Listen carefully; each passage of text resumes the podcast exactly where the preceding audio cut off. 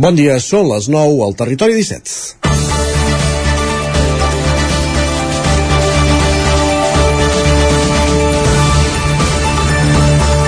El 26 de juliol de 2015 va ser un dia especial per molts veïns del Lluçanès. Després d'anys de reivindicacions es va convocar una consulta sobre la creació de la comarca i va participar un 55,15% del cens, format per tots els veïns empadronats de Lluçanès de més de 16 anys. I el CIM es va imposar amb un 70,73% dels vots.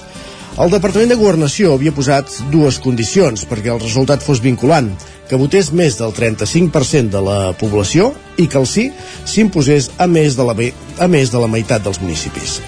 Els dos requisits es van complir perquè dels 13 municipis en 8 va guanyar el sí, però des de llavors no s'ha avançat o s'ha avançat molt poc. El debat, tot i que sense unanimitat, ha continuat viu al territori, però els partidismes, els personalismes i la falta de consens sobre com avançar ho, ho han alentit tot. La inestabilitat política a Catalunya tampoc hi ha ajudat. El poc, en poc més de 7 anys hi ha hagut 3 eleccions al Parlament, 4 presidents de la Generalitat i l'aplicació de l'article 155 de la Constitució que va provocar una dissolució de la cambra. Per si no n'hi hagués prou, la pandèmia també va deixar al calaix molts projectes que no es consideraven prioritaris, com els de la proposició de llei per crear la comarca del Lluçanès. La situació actual és diferent. La nova delegada del govern a la Catalunya Central, l'alcaldessa del Pens, la republicana Montse Berniol, ja va advertir des del primer moment que va accedir al càrrec que tornarien a posar sobre la taula la reivindicació de la comarca i el compliment del que es va acordar i votar l'estiu de 2015. La voluntat del govern és que es creï la nova comarca abans de les eleccions del pròxim 28 de maig, que quan els veïns de Lluçanès vagin a votar aquest dia sàpiguen si ho fan per la Constitució del Consell Comarcal del Lluçanès o el d'Osona. Els dubtes que van plantejar els alcaldes en la reunió d'aquest dijous estan més que justificats. Els resultats del 2015 no són fàcils de gestionar, sobretot on no va guanyar el sí. Per això, en alguns moments s'ha posat sobre la taula solucions mixtes que poguessin encaixar amb totes les sensibilitats. Ara ja fa massa temps que això coeja i cal donar-hi una resposta. No sembla fàcil, però, resoldre en 3 mesos un tema que fa 7 anys que estan callat. L'anirem seguint la seva evolució, el Territori 17, un Territori 17 que ara comença, la sintonia de la veu de Sant Joan, Ràdio Cardedeu, Ona Codinenca, Ràdio Vic, el 9 FM i també ens podeu veure a través del 9 TV, Twitch i YouTube. Territori 17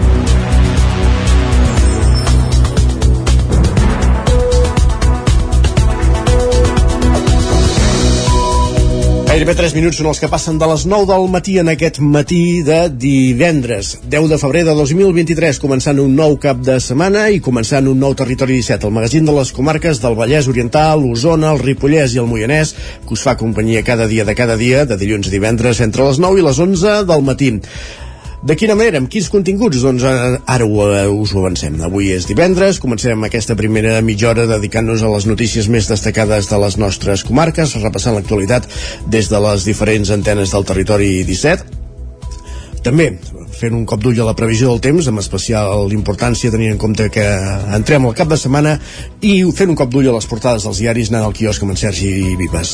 A dos quarts de 10 en punt, com cada divendres, tertúlia, avui en companyia d'en Miquel R, en Joan Garcia i la Gemma Permanyer per abordar diverses qüestions d'actualitat de les nostres comarques. Arribarem al punt de les 10 amb música. A les 10, notícies, les més destacades de les nostres comarques, la previsió del temps i els esports. És moment de saber l'agenda esportiva, d'aprofundir en l'agenda esportiva, de saber quins són els compromisos dels equips de casa nostra per aquest cap de setmana. I a la darrera mitja hora clàssics musicals, la música amb Jaume Espuny, que ens arriba cada setmana amb un disc sota el braç, amb un clàssic per conèixer el disc i la trajectòria del seu autor o autors. Acabarem el programa refent un cop d'ull a l'agenda a les nostres comarques per aquest cap de setmana. Aquest és el menú del Territori 17, que ara comença amb les notícies més destacades de les nostres comarques, les comarques del Vallès Oriental, Osona, el Ripollès i el Moianès.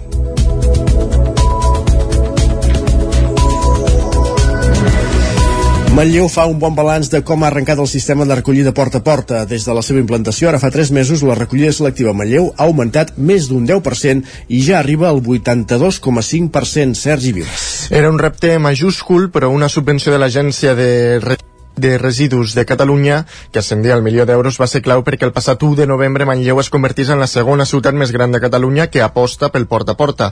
Un sistema de recollida que ha volgut molta pedagogia, però que amb només 3 mesos ja comença a donar els seus fruits, i és que des de la seva implementació la recollida selectiva a Manlleu ha augmentat més d'un 10% i ja arriba al 82,5%. Ho explica Maita Anglada, regidora de Medi Ambient.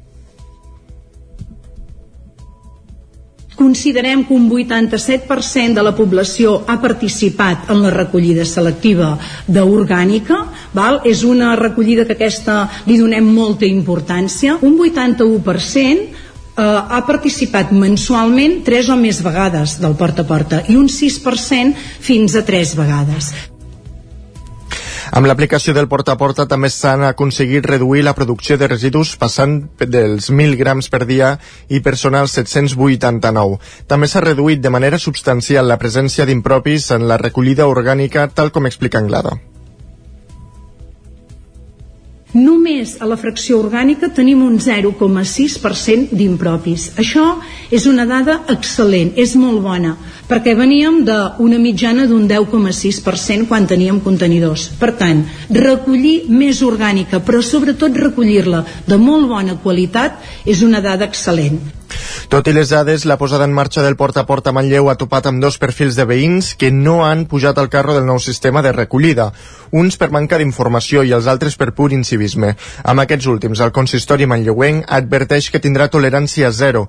Fins al moment ja s'han obert 39 expedients sancionadors a persones que llancen les escombraries al carrer. Més qüestions. Ja han començat les obres d'ampliació i millora de les urgències de l'Hospital Universitari de Vic. Per primera vegada s'ha produït els sorolls i vibracions que seran una constant durant els propers dos mesos. De fet, aquesta és la fase més complicada de l'actuació, la perforació del sol en una zona de roca al carrer que donava les consultes externes. Aquí s'hi ha de crear la nova ala de les urgències, ubicada en una planta semisoterrada en la que serà la principal zona de creixement de les instal·lacions. Les màquines i els camions ja treballen al recinte de l'hospital i han arribat les primeres molèsties a usuaris i professionals del i professionals de l'hospital uh, pel soroll i les vibracions, en una excavació que es preveu que s'allargui durant dos mesos. Ho explica Jaume Castellano, el director de serveis del Consorci Hospitalari. Proveit de dos tipus de taps per evitar la, sobretot la sonoritat, uns més adreçats per professionals i els altres més adreçats als usuaris, per tal d'intentar que durant l'estada del servei d'urgències eh, l'impacte sigui menor. No? A part d'això, hem intentat apantallar el que són les, les, les finestres que donen el servei d'urgències, certament, eh, insisteixo, estem preocupats i per tant hi estem a sobre i farem tot el possible que estigui a les nostres mans perquè sigui l'enrenou sigui el mínim possible. L'arrencada de les obres també es nota en el trànsit dins del recinte de l'hospital amb la restricció d'accés al carrer de les consultes externes. Hi ha personal que informa dels canvis. Les ambulàncies però mantenen el seu punt habitual d'entrada i sortida. Jaume Castellano en les primeres hores, vulguis o no vulguis, eh, esclar, tant els professionals com la gent, com, com tothom està acostumat a, a, a, a el que era la circulació normal de l'entorn de l'hospital. Ara, de mica en mica i reforçant molt la senyalètica, ja estem conduint els fluxes cap a on nosaltres volem i ens interessa. Amb l'actuació que s'allargarà durant 8 mesos, les urgències passaran dels 1.400 metres quadrats actuals a més de 1.800 metres, amb un total de 55 box, 11 més dels mm, que hi ha ara mateix. També s'actuarà, entre d'altres, al vestíbul i a la sala d'espera i es milloraran els espais de treball dels professionals. Les obres costaran 2 milions d'euros que financien a parts iguals al Consorci Hospitalari de Vic i al Servei Català de la Salut. Més qüestions, anem cap al Vallès Oriental, perquè els Mossos d'Esquadra interposen 251 denúncies en un control a camions a l'AP7, a la Roca del Vallès, Pol Grau, Ràdio Televisió Cardedeu. La Divisió de Trànsit dels Mossos d'Esquadra, en coordinació amb el Servei Català de Trànsit, va desplegar ahir dijous al matí un dispositiu de control i vigilància que munts a l'autopista de la P7 a la Roca del Vallès. En aquest macrocontrol s'han segregat totalment els vehicles passants a la circulació per controlar el temps de conducció i descans, l'accés de pes, l'alcoholèmia, la documentació a la ITV, entre d'altres. En aquest control, els Mossos d'Esquadra han interposat un total de 251 denúncies. D'aquestes, 231 han estat per avançament en tram prohibit després de que els agents s'agreguessin tots els camions del carril dret per poder efectuar el control. 41 han estat notificats al mateix control, mentre que els altres 190 rebran la sanció posteriorment perquè no han entrat en el cribatge que feien els policies. En total, els Mossos han aturat 91 camions, els quals han interposat 5 denúncies per no respectar el temps de conducció i descans, 10 per distraccions, portar auriculars o no portar la ITU en regla una per accés a pes i quatre per altres motius de transports. Els Mossos ja havien fet altres dispositius de control als camions que circulaven per la P7 aprofitant l'espai que va quedar lliure amb la retirada de les cabines de l'antic peatge i que ha estat cedit pel Ministeri de Transports, Mobilitat i Agenda Urbana. Anem cap al Ripollès, perquè comença el període de votació per la sisena edició dels guardons M de Barcelona organitzats per Esquerra de Sant Joan de les Abadesses. Isaac Muntades, la veu de Sant Joan. La secció local d'Esquerra Republicana de Catalunya de Sant Joan de les Abadeses ha donat el tret de sortida a la sisena edició dels Guardons Emma de Barcelona per tal de reconèixer la tasca de persones, entitats i col·lectius del municipi Sant Joaní que hagin destacat per aquelles característiques que varen definir l'abadesa Emma. La primera que va tenir el monestir de Sant Joan, que són l'emprenedoria, la defensa dels drets socials, el foment de la llengua i la cultura catalanes i la divulgació de les particularitats de Sant Joan. El regidor d'Esquerra al consistori Sant Joaní, Sergi Albric, va incidir en que es vol premiar aquelles persones que treballen pel municipi des de l'àmbit de la cultura, l'economia, la sanitat, etc i que tenen una implicació en el dia a dia de la població. El període de votació serà de l'1 de febrer al 15 de març i funcionarà així. Aquest any repetim la mateixa fórmula que l'any passat, bàsicament eh, repetim un, una vintena d'urnes, bàsicament eh, arreu dels eh, bars, restaurants, forns de pa, l'oficina de turisme, el casal de jubilats i pensionistes de Sant Joan, doncs perquè totes aquelles persones que vulguin votar físicament doncs puguin portar una butlleta amb els noms de les persones eh, diguem-ne a ser proposades doncs, per rebre aquests guardons i també dels col·lectius de persones i a la vegada també doncs, han habilitat un formulari per internet doncs, perquè doncs, de forma digital doncs, qui vulgui doncs, proposar candidats i candidates doncs, ho pugui fer doncs, via online. L'acte d'entrega del premi serà el pròxim 15 d'abril a la plaça de l'Abadia. Fins ara els guardons Emma de Barcelona han reconegut a Francesc Fajula, Joan Guillemet, Ramon Vila, Pere Cubí i Anna Coma en l'àmbit individual i el Motoclub Abadeses, l'Unió Excursionista, el SAT Teatre Centre, l'agrupació sardanista i la colla de geganters i grellers en l'àmbit col·lectiu. El BRIC va recordar que en aquesta categoria també es pot votar per comerços o empreses. Gràcies, Isaac. Més qüestions. El Banc dels Aliments del Vallès Oriental tem que la manca d'aportacions per part de la Unió Europea faci perillar el subministrament d'aquests aliments. Roger Rams, zona codirenca. Ara que ja fa gairebé tres mesos que es va dur a terme la tradicional campanya de recollida d'aliments organitzada pel Banc dels Aliments, el Gran Recapte, hem volgut conèixer com està la situació al Banc dels Aliments del Vallès Oriental. El seu responsable és Joan Hidalgo. En principi, a data d'avui, les entitats encara continuen nutrint-se del que van recollir de la Gran Recapte i el banc complementa el que falta per donar els quilos necessaris per cada família i cada usuari.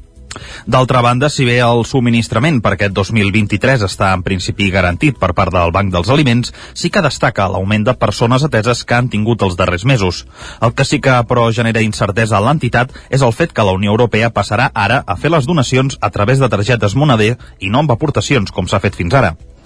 De cara a futur, aquest any és l'últim any de la Unió Europea i ja veurem per el proper any eh, com aniran les coses. La Unió Europea ja no donarà més, es parla de targetes moneder, però són coses que encara no estan prou clares. Sí que és cert que bueno, les coses eh, van eh, una mica cap a la baixa i anem una mica més apretadets, però bueno, en principi el banc aquest any té garantit el servir i el poder subministrar a eh, cada entitat perquè pugui anar repartint com ha estat fent fins ara. En la 14a edició del Gran Recapte, celebrada, com dèiem, el passat mes de novembre, es va recollir un 22% més de donacions arreu de Catalunya que no pas l'any 2021 i 125.000 quilos de menjar entre les comarques del Vallès Oriental i el Moianès. Gràcies, Roger. Passen gairebé 14 minuts de les 9 del matí. L'Ajuntament d'Uris, a Osona, ha impulsat una subvenció de 500 euros per persona i any per contrarrestar l'increment anual que suposa la compra d'aliments sense gluten pels veïns que pateixen la malaltia celíaca. Sergi Vivas.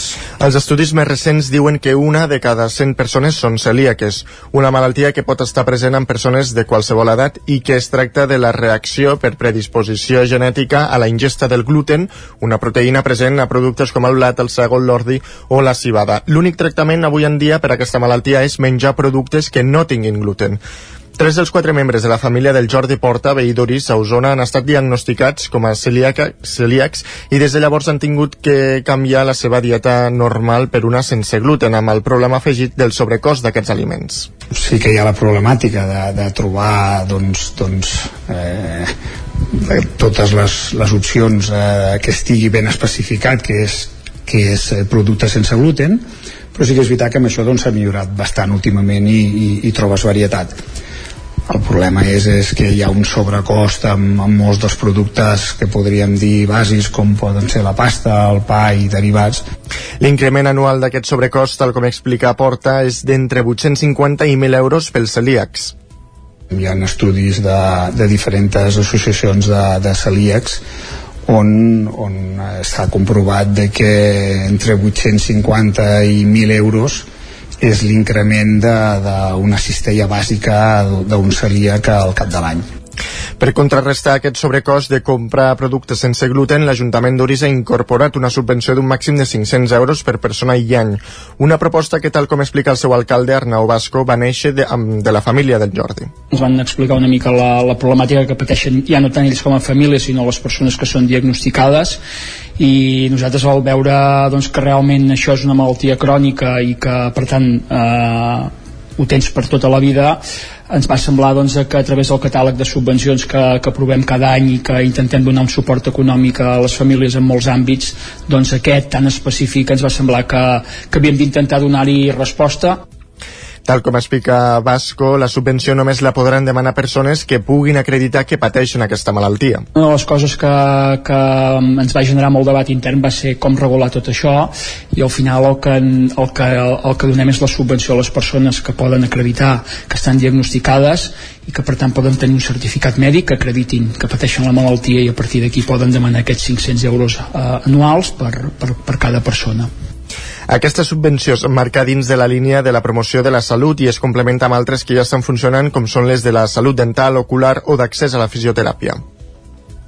I un últim apunt, perquè la Universitat de Vic ha creat la càtedra Lluís Bassat de Màrqueting i Comunicació Empresarial, que aquest curs ha començat a desplegar les primeres accions. Compta amb la implicació del mateix Bassat, fundador de Bassat Ogilvy i que, fa, i que va ser nomenat doctor honoris causa de la UBIC al novembre de l'any 2021. La intenció és contribuir en el desenvolupament del màrqueting i la comunicació i ser un referent d'excel·lència pel que fa a la investigació, la formació i la difusió en aquest àmbit. La implicació de Bassat en el projecte detallen des de la Facultat d'Empresa i Comunicació suposa comptar amb un, del, un, amb un dels professionals en aquest àmbit de més prestigi a l'estat espanyol i al món, reconegut com un gran expert en la gestió i creació de grans marques a través de la creativitat publicitària. Gràcies, Sergi. Aquí acabem aquest repàs informatiu que començàvem al punt de les 9 en companyia de Sergi Vives, Isaac Muntades, Pol Grau i Roger Rams. Moment al territori 17 de tornar a una codinenca i saludar en Pepa Costa.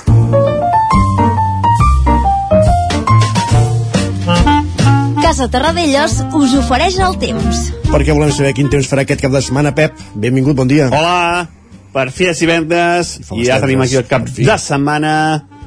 Què tal esteu? Bé, i tu? Espero que estigueu molt bé i que tinguem un, un gran cap de setmana. Uh, ple d'activitats o sense cap activitat, uh, de festa, uh, treballant, el que sigui, vol que tingueu un molt bon cap de setmana. Ara sí que sí que aquest, eh, aquesta llevantada és història. Ja han marxat els núvols, les precipitacions, les grans onades, tot ha marxat i tenim ja l'anticicló a sobre. Ja s'ha notat aquesta nit amb una baixada de les temperatures, eh, fortes glaçades cap al Pirineu, novament eh, temperatures per sota dels 10 graus sota zero alta muntanya, per sota del 5 sota 0 en moltes valls i poblacions. Es nota que no hi ha núvols, és serè, i això fa que la temperatura baixi en picat. Eh, moltes glaçades també, 2, 3, 4 de 0 cap a la plana de Vic, cap a Moianès, i el prelitoral és l'única zona on hi ha temperatures una mica per sobre dels 0 graus, on no ha glaçat, tot i que també ha fet força fred, i gairebé cap termòmetre està per sobre de, està per, uh, per sobre dels 2-3 graus, eh? vull dir, uh, la majoria de mínimes entre el 0 i els 5 graus. Avui serà un dia de molt de sol, de vents encalmats, i això farà que la temperatura uh, pugi. Si ahir les màximes van voltar 8, 9, 10 graus, avui ja tindrem més termòmetres per sobre els 10 graus. Uh, la majoria màximes entre els 10 i els 13, per tant, uns migdies una mica més suaus. I aquesta serà la tònica de tot el cap de setmana. Demà dissabte, novament, nit freda, eh, glaçades, importants cap a l'interior, el prelitoral no glaçarà, i les temperatures màximes pujaran 1 o 2 graus més. Moltes màximes ja dissabte entre els 13 i els 16 graus, ambient agradable al migdia, i al mateix temps, la mateixa llei de temps, el mateix anticicló, ens dominarà diumenge, amb molt de sol, vents molt febles, alguna boira a les nits, però que seguida s'aixecarà, molt contrast entre el dia i la nit. Mínimes no, novament negatives a moltes, moltes poblacions i a zones de muntanya, les màximes entre els 13, 16, 17 graus la majoria de les temperatures. Uh, un ambient molt agradable al migdia, un ambient fred a la nit.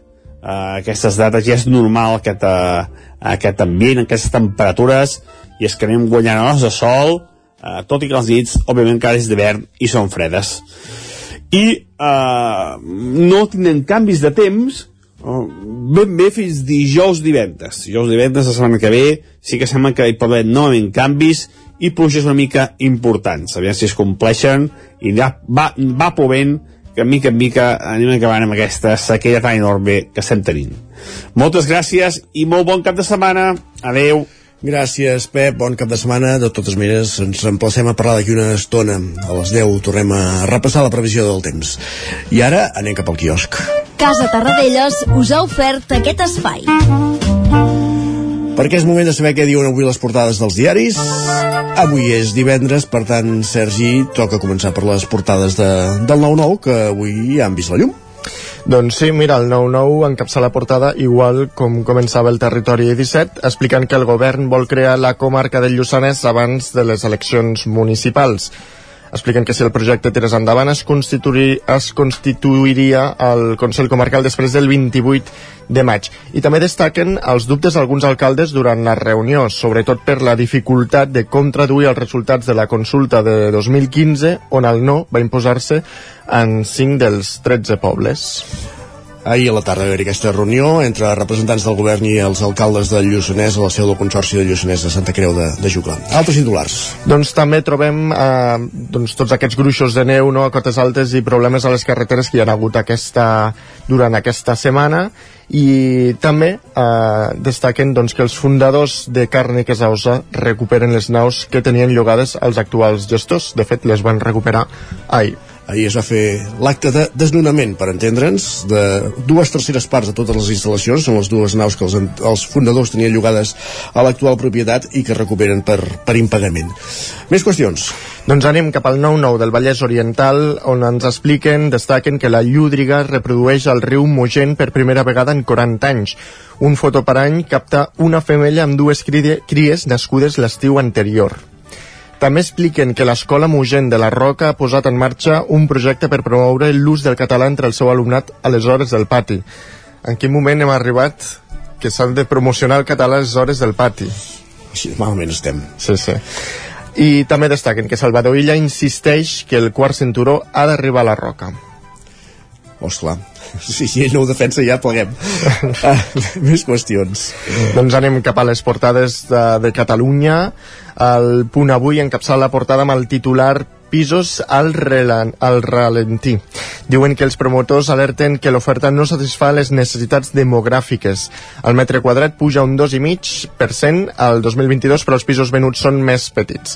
També destaquen que Jaume Plensa s'estrena al Liceu dirigint una adaptació de l'òpera Macbeth i per altra banda diuen que Laura Borràs s'aparta temporalment de la via vida pública després que avui s'enfronti al judici.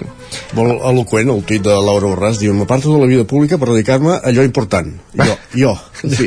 No, no diu jo, jo, però, jo, jo, no diu jo, no ho diu amb aquestes paraules, però bé dir això, sí. Més qüestions. El periòdico diu que Educació accelera per començar el curs vinent a jornada completa. Diuen que una auditoria externa encarregada per la Conselleria jutja un fracàs les tardes recreatives del setembre passat. Afegeixen que el departament vol iniciar les classes la primera setmana de mes amb horari partit. També expliquen que Zelensky demana armes de tot tipus a la Unió Europea en una desfilada triomfal a Brussel·les, i és que els líders dels 27 secunden al president d'Ucraïna mentre la guerra dispara el dèficit a Rússia. Per altra banda, diuen que l'ajuda va entrant a Turquia, en canvi Síria queda a la seva sort. Tot plegat, la suma de morts ja supera els 20.000. La Vanguardia diu que el Tribunal Constitucional avala la llei de l'avortament recorreguda eh, fa 13 anys pel PP. Expliquen que el bloc progressista ara majoritari deixa clar que el text de Zapatero s'ajusta a la Carta Magna i Feijó hi mostra el seu suport i respecte. També diuen que el PP obté la reprovació de Marlaska amb l'abstenció del PNB i el suport d'Esquerra. Lara també destaca que Educació vol que les tardes de, de setembre tornin a ser electives. També diuen que Borràs s'aparta de la vida, vida pública mentre duri el judici que comença avui es, es concentrarà en la seva defensa.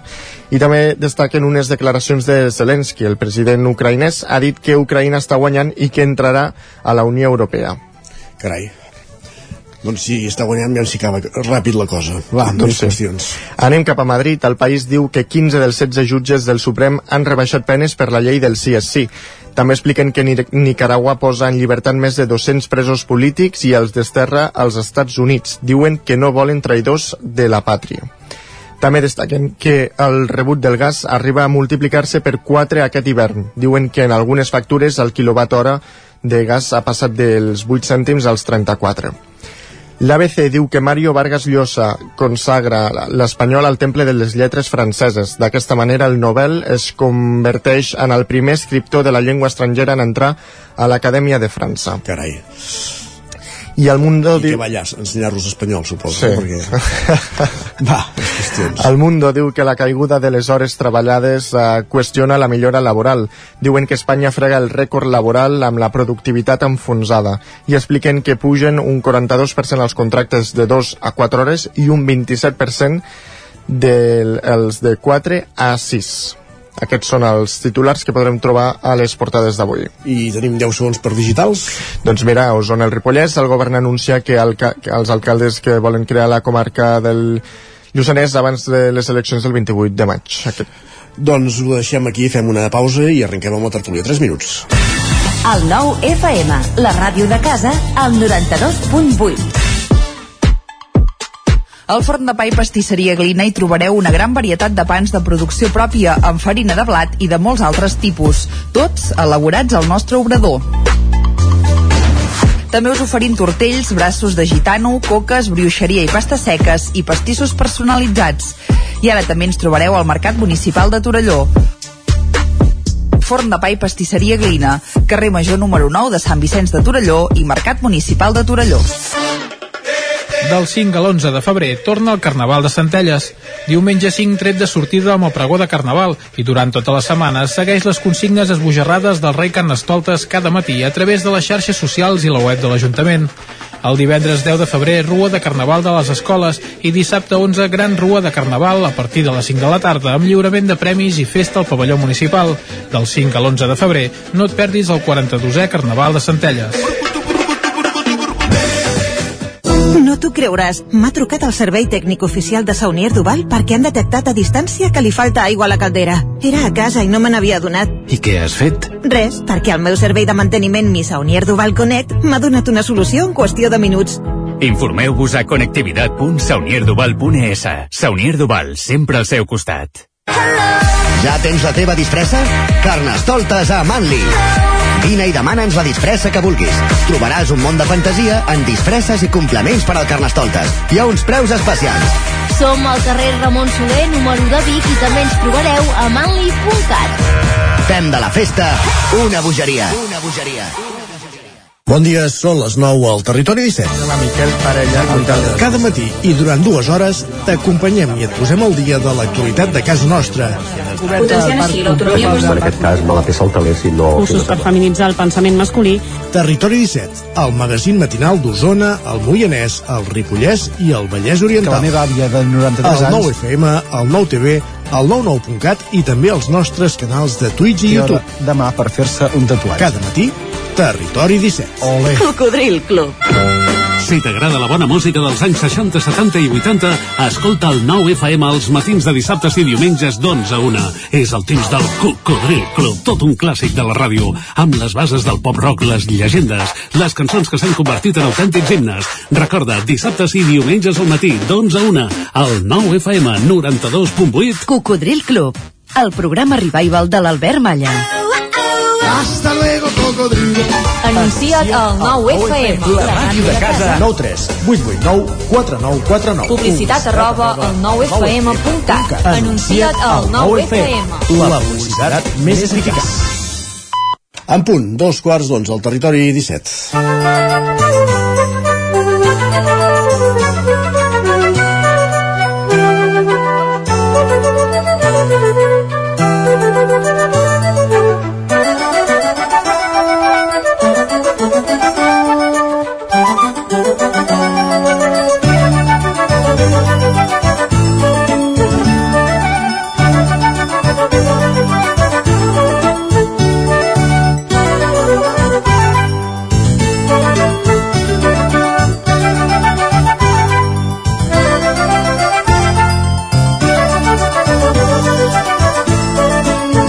Doncs vinga, temps de tertúlia al territori 17, com fem cada divendres a partir de dos quarts de 10, avui en companyia de Joan Garcia, de la Gemma Permanyer i també de Miquel R, que circul- s'incorporarà en breu. Benvinguts, mentrestant, Joan i Gemma, què tal, com estem? Hola, bones. Mira. Bé, bon dia. Quant temps, Joan? He de dir allò del fred, no? Es diu? Ara quan, quan trobes algú?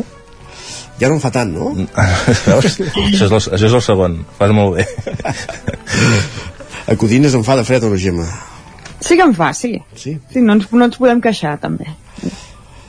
Perfecte. Uh, avui temps de tertúlia, com dèiem, amb diverses qüestions per, per abordar sobre l'actualitat de, de les nostres comarques. Tenim diversos titulars eh, damunt la taula. No sé per on voleu començar. Eh, un dels quals és, evidentment, el tema de, la, de, de les presses, ara sembla, per part del govern per recuperar el projecte de la comarca de, del Lluçanès, que no la del Codinès, eh? encara, Gemma, aquesta deu anar per més tard. Aquesta vindrà després. Sí? Ja ho tens clar, això? I tant, i tant. No som ni de dalt ni de baix.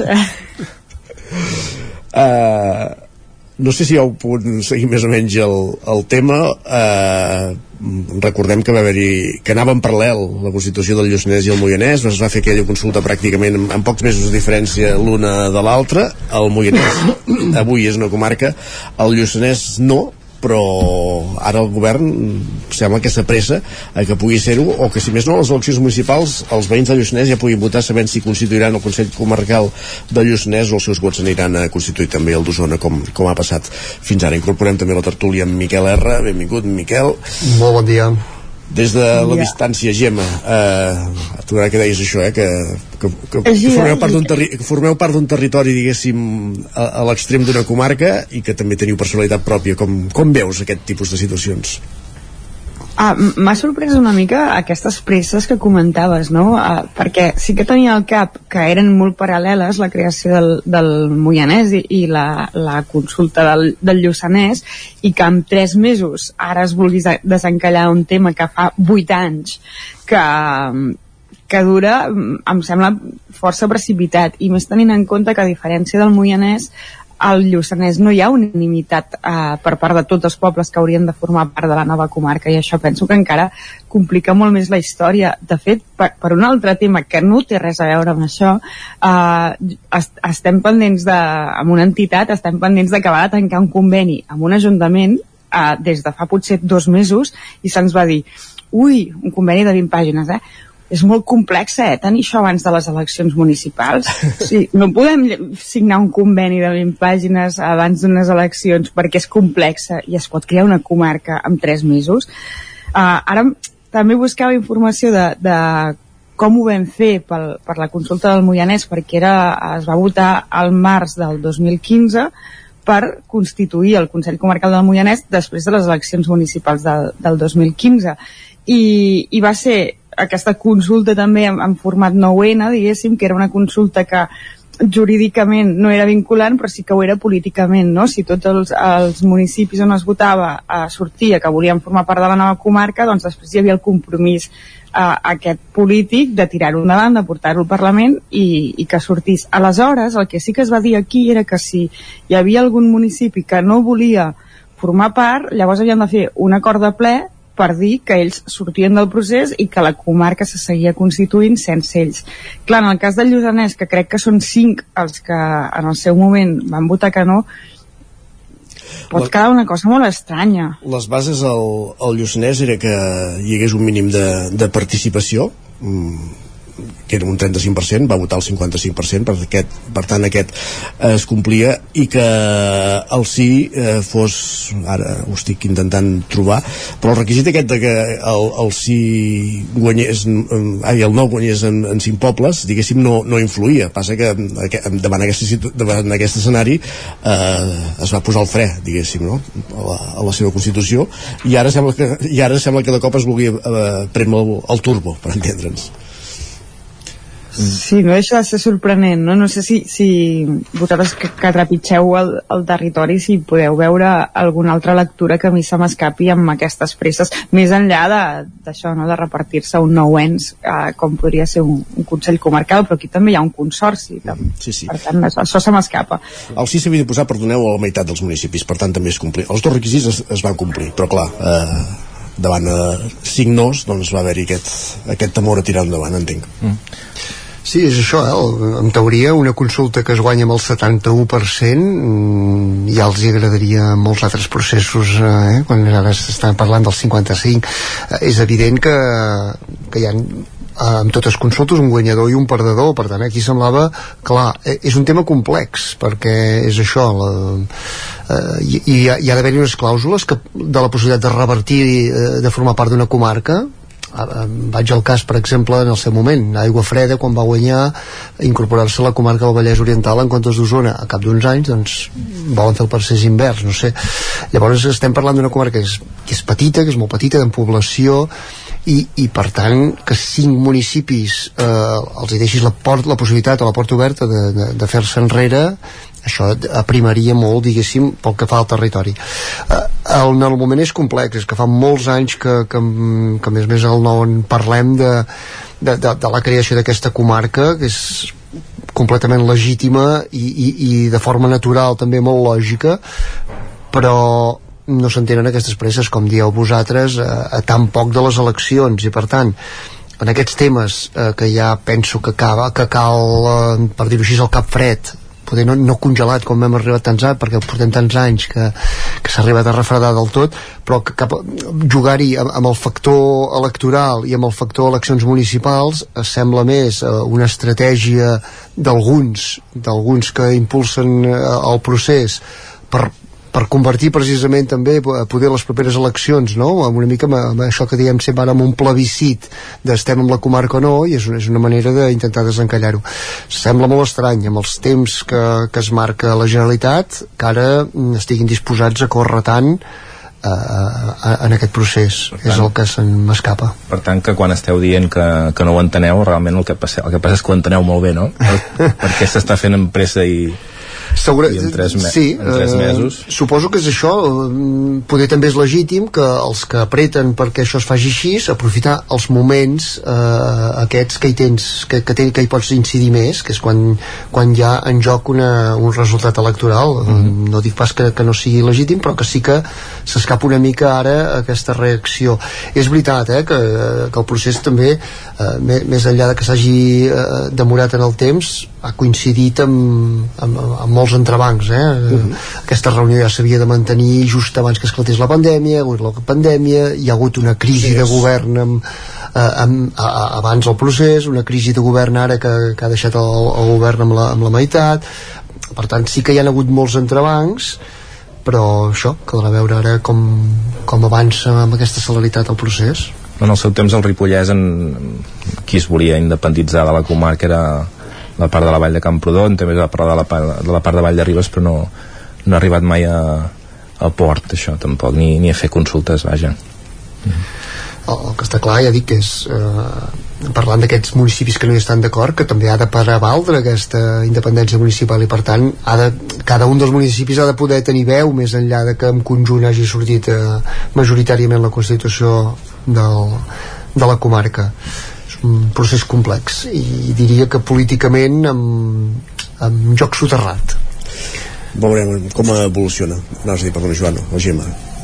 No, no, jo anava a dir que, que fins i tot potser la gent no, no és conscient de què implica una cosa o l'altra. I, i, i fins i tot potser d'un dia per l'altre no, no, no canvia res. La gent potser no, no, no s'implica o, o no té tant d'interès potser a vegades com, com el que ens podem imaginar o els periodistes o els polítics. No sé, en aquest cas quin tant per cent de participació hi va, hi va haver-hi? Segurament n'hi devia haver-hi força. A la consulta un 55 sí. 55,15 per tant és això que per una cosa que en teoria és molt important i crucial mm, a prop de la meitat no... Sí, però no... Hi, hi ha algunes eleccions europees amb, amb menys participació que això, eh? Sí, sí, sí, està clar. Uh, sí, ja dic que i en el fons, en el fons, en el mar de fons hi ha tot un debat que mai ha estat tancat en aquest país, que és el de model de, de distribució territorial també, que tenim unes comarques, llavors hem de, de valorar quin paper estan exercint les comarques en el context d'aquestes noves eh, àrees, diguéssim, eh, de la Catalunya central, en les antigues vegueries que van desaparèixer, en el context de que encara existeixen les províncies i, i per tant poder en, encara tenim pendent endreçar diguéssim tot el mapa de, de, de, de distribució territorial i de les pesos. regions, no? Co També, correcte. perquè a nivell policial i mèdic tenim les regions. Les regions, paral·lelament han funcionat que, que de, a, manera efectiva el que està funcionant molt bé també són mancomunitats perquè al final més enllà de les comarques s'estan creant unes mancomunitats que agafen només per zones a vegades eh, geogràficament més estables o amb més connexió i que ens tenen unes necessitats més específiques.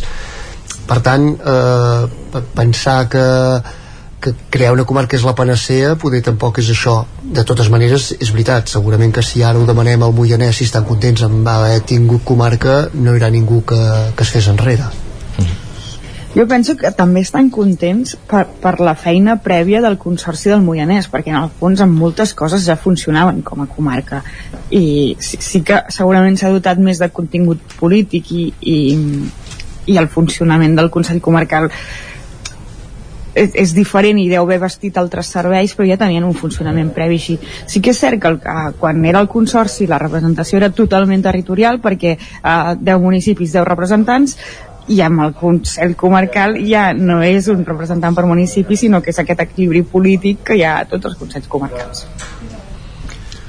Sí, sí. Doncs bé, veurem, veurem com evoluciona el cas de, de la comarca del Lluçanès, que com deia va aparèixer com un bolet a eh, tres mesos de, de les eleccions eh, i com anàvem dient seguirem quina és la seva evolució. Hi ha altres qüestions que ens agradaria avui abordar eh, a la tertúlia eh, avui Miquel publiques un reportatge al 9-9 a partir d'un estudi que alerta que el 3,5% dels joves de 14 a 18 anys consumeixen tabac i cànnabis eh, entenem que és consum habitual diguéssim eh? Um, aquí inclou tant consum habitual en alguns casos com es considera uh, haver-lo haver fumat en els últims 30 dies per tant uh, hi ha la doble és el fet d'haver-ho tastat i per tant tot el que representa obrir la porta a acabar-t'hi enganxant no? per tant no és allò un consum diari no, no, està prefixat es considera ja, tant, ja dic aquest, aquest primer tast com un consum que es considera de risc que no situen si és un, un porro al dia o, o a la setmana o, però en tot cas eh, han, han entrat ja diguéssim en l'hàbit de, de, de liar un, un tabac perquè una mica és això, no? el que alerta de, de vegades de, de joves, diguéssim, d'aquestes edats prematures, adolescents, que, que es veuen fumant, no? diguéssim que... Sí, eh, de fet l'estudi, eh, més enllà de la xifra aquesta, eh, entra a analitzar poder, dos factors que, que, que poder són més singulars. Una és que hi ha com una mica de beneplàcid pel que seria el, el tabac de cargolar, i corre una mica eh, unes certes falses creences no? de dir com que aquest és més, més saludable que el manufacturat que la cigarreta habitual diguéssim convencional que enganxa menys que com que me'l faig jo controlo més i per tant amb l'hàbit de, de, de, de liar diguéssim un, un tabac doncs la gent també acaba fent el salt amb, doncs, bueno, pot embarrejar no? amb, doncs, amb tabac i amb cànnabis o directament només amb cànnabis i per tant que, que, que són com dos vasos comunicants de dir, amb l'excusa que m'habituo molt aviat a liar el, el cigarret doncs acabo entrant també al consum de cànnabis. També s'ha detectat a través de, ja es va fer moltes enquestes eh, a, a joves de 14 a 18 anys de la Catalunya Central que a darrere, quan també se'ls demana a aquests joves una mica perquè han entrat en aquest món, s'hi detecten problemes doncs, de, d'estat de, d'ànim, problemes de salut mental, problemes d'autopercepció de, de, de, no tan, de no tan saludables, per tant, sí que torna a destapar allò de intentem mirar què hi ha darrere, no? Per què, per què s'acabes abocant tabac més enllà de, de la fase aquesta de l'edat habitual, de dir ho hem de provar, hem de tastar, ja ho sabem que és, és, una, és una edat de risc en aquest sentit, però que, que sí que a vegades poder no s'ha fet prou cas o, o, no? ara últimament ha sortit molt a, a la mateixa salut mental d'aquests joves i a vegades poder això per, una sensació de, de no estar prou bé doncs mira, experimenten amb, amb noves sensacions mm -hmm. Són dades que surten del treball de la tesi doctoral d'una infermera usonenca, Eva, Eva Codinac no sé, Joan i Gemma, si són dades que, que us sorprenen, tenint en compte diguéssim que amb l'aplicació de, de la llei antitabac que, que diguéssim va, va reduir els espais de, de fumar i, i que d'alguna manera ha reduït també els hàbits de, de consum d'aquests productes doncs que entre els joves encara hi sigui un, un al·licient, no? A mi la xifra no, no, en valor absolut no, no em sorprèn és a dir, fins i tot si m'haguessin si l'hagués hagut d'endevinar abans l'hagués posat més alta fins i tot el que no sé és si, si està si aquesta xifra està pujant o baixant en relació a, a, la, a generacions anteriors uh, Clar, aquest aspecte no hi és, eh? També és veritat, estem parlant de gent molt jove, eh? Sí, sí. A partir de 14 anys, segon d'ESO i d'acord fins als 18. Sí que es nota una, una evolució, com més grans l'índex aniria pujant, eh? Si anéssim eh, traient mitjanes, eh, però el, el que els he donat és una xifra molt disparada en relació a la mitjana de gent que ja està fan, fumant tabac i cannabis a l'edat a, a nivell més general, eh, que a vegades aquests estudis tan generals, però la mitjana ha sortit molt disparada. Sí, sí, a, a, mi, a mi sí que em sorprèn en el sentit que, que, que, que deia l'Isaac, eh? de, de fa uns anys ara ha canviat molt la cosa, els locals no es pot fumar o no s'hauria de, de fumar, i, i és veritat que cada cop és més difícil i jo sí que tinc la sensació o la percepció que al meu voltant cada cop fuma menys gent però també estic en, una, en un moment de la vida que justament em relaciono amb gent que té canalla i potser la gent quan està amb la canalla no ho fa però, però jo tinc la sensació que, que aquestes mesures de, de no poder fumar doncs, a, a, fins i tot ara a, a terrasses ni, ni, a, ni a dintre dels locals a, cada cop més allunyat de, de centres públics i això crec, jo tinc la sensació que, que funciona eh, en, en el públic en general, en la població mm. en general per exemple, de dades del, del mateix estudi és curiós la mitjana de, que, que fumen, exclusivament que fumen, eh, és més alta a les noies, que supera el 8%, eh, que els nois, que és el 6,7%. En canvi, llavors s'inverteix. Quan només mirem hachís, eh, hi ha més nois d'aquesta edat, estem parlant, un 9,8% de, de, de nois han fumat ja eh, hachís i, i un 7,4% de noies. Dic, mm. aquesta tendència a vegades sí que, que, que s'ha notat no? que el tabac com, com que s'ha que han les noies, no? Les que, que han anat ara, que estan empenyent més, o les, les que comencen abans. Poder també seran les que ho deixaran abans, però de moment comencen abans. També llegia, eh, que hi havia una... No, jo tinc una mica, la... ah, perdó. no, no, digues, una mica la mateixa sensació que el Joan, que si hagués hagut de dir una xifra l'hagués dit més alta, perquè sí que és veritat que amb 14 amb 14 anys són molt joves, però era l'època que nosaltres fèiem el canvi de l'escola a l'institut, que era l'època que tothom començava a fumar perquè ja eres gran i anaves a, a, a l'institut. Per tant, basat en la pròpia experiència, hagués dit això, que, que, que haguessin estat molt més. El que sí que m'ha sorprès, i també derivant de, de totes aquestes restriccions que, que hi ha, que fa que sigui molt més difícil fumar, és a, aquest inici de l'article que dius, uh, un de cada quatre adolescents pensen fumar en un futur proper, o sigui que aquesta premeditació de dir jo sí que fumaré, amb, amb, quan sabem eh, tot, tot el negatiu que és uh, fumar, no? que hi hagi aquesta predisposició prèvia, això, això sí que m'ha sorprès. I a la vegada que diuen això, també en un altre punt de l'article, no recordo on, diuen que tots són conscients que ho deixaran perquè volen, sa- saben que ara no els està afectant però que en el futur els afectarà vull dir que Sí, És- això és- una és- crònica que vam anar a fer després d'aquesta setmana amb, amb alumnes de, de, de, de quart d'ESO precisament de l'Institut La Plana alguns feien aquesta reflexió de dir bueno, però, però això sí que et poder formaria molt, molt, de, molt part de l'edat no? de dir ja ho provaré, ja ho sé que ho deixaré però ho provaré, el problema és que n'hi ha alguns que no podran acabar-ho deixant no? l'edició aquesta és curiós actualment que, que la gent perquè és això, no sé, generacions enrere mm, poder no estava tan provat però és tan evident la relació amb tabac i amb determinades enfermetats això que eh, és curiós que continuï sent i, i, i avisar la jove també que en una part de l'article d'aquesta experiència que ho tenim amb, aquests alumn, amb aquest alumnat eh, que diu que ella fuma però que a casa seva no ho saben dir-li que no, que sí que ho saben eh? Sí que ho saben, però fan veure que no. correcte. avisar-la perquè, perquè es, Sí, ho sàpiga. I, i, més, I més ara ja, no? Sí, sí, no, no, no em refereixo perquè evidentment amb, amb la amb, no sé si, si renta la roba ella o si quan arriba fa un, fa un petó als pares però aquestes coses quan una persona fuma ho saps, saps? Es nota de fet hi ha un factor que tampoc que no, no s'analitza a l'estudi que és d'acord, hi ha unes falses creences respecte al tabac de cargolà que diem però també hi ha un factor econòmic mm. que el, no, el cigarret manufacturat és molt car i per tant una manera de començar molt més econòmic per aquests mm. joves és començar d'aquesta manera fumant i també saber on aconsegueixen el cannabis també, també amb aquestes edats també Uh, M'agradaria abordar més qüestions. Avui un altre dels titulars que llegim al 9-9 és que cada cop es venen menys cotxes amb motor de, de combustió.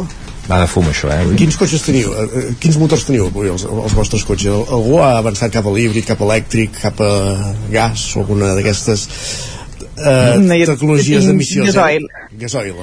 jo vaig cometre l'error en aquests últims 10 anys de comprar un parell de vehicles de dièsel dièsel jo també tinc gasoil però també és molt antic no? vull dir que aviat poder no, no, poder no em deixaran entrar a Barcelona Jo també sóc dièsel, eh? per tant poc és de dièsels avui aquí. Ho fem molt malament. és que ja. fa més de 10 anys sembla, vull dir que t'ho qüestionaves molt menys no sé si el meu té 12-13 anys no, no recordo però vull dir que eh, és la tendència i era, vull dir que això ha fet un gir això en l'última dècada però en tot cas en aquell moment semblava molt més obvi apostar pel, pel dièsel el, el meu cotxe, el més, el més vell dels dos que tinc, té 8 anys és un, és un, cactus, un Citroën Cactus amb dièsel i en aquell moment a mi em van donar l'etiqueta d'Eco Veus? sí, perquè sí. van començar a posar aquests dipòsits de, de l'AdBlue eh, sí. per eh, eliminar les partícules i en aquell moment era eco i fins i tot doncs, no vaig pagar el, no sé si era el, el, quin, de, quina de les taxes que s'han de pagar perquè, si el, per això, per aquest motiu, perquè era eco. També us he dir que el, el segon cotxe també va ser, va ser dièsel. Eh, en aquell moment també la decisió va ser una mica perquè doncs, era més econòmic pagaves una mica més del cotxe més car però era més, més econòmic el, el, la, el, la benzina però ara no és així, ara és just el contrari i a més a més us he de comentar que, el, que els, la majoria de fabricants i especialment els del grup PSA en Citroën, Peugeot, Peugeot i això, tenen un problema als dipòsits d'AdBlue. I a mi m'ha afectat els dos vehicles. Veus? Uh, fins al punt que, que en, algun, en el, un dels dos uh, té menys de 4 anys i, i, i em sembla que hauré de canviar el dipòsit. Costa com uns, uns uh, 1.500-2.000 euros. Bé. la, la marca no ho reconeix perquè hi ha cotxes que li passa al cap de dos anys o amb, o amb 20.000 quilòmetres i el que sí que fa és eh, et fa una proposta comercial, et fa un descompte que arriben a vegades fins al 90 i pico per cent o fins al 50, depèn dels anys i, de, i, de, i del, dels quilòmetres i et fan signar un paperet conforme tu això no ho diràs en lloc Ah, tu no l'has signat, no? no, jo, l'he signat, jo no l'he signat i si l'hagués signat ho diria Anava a dir. igualment, eh?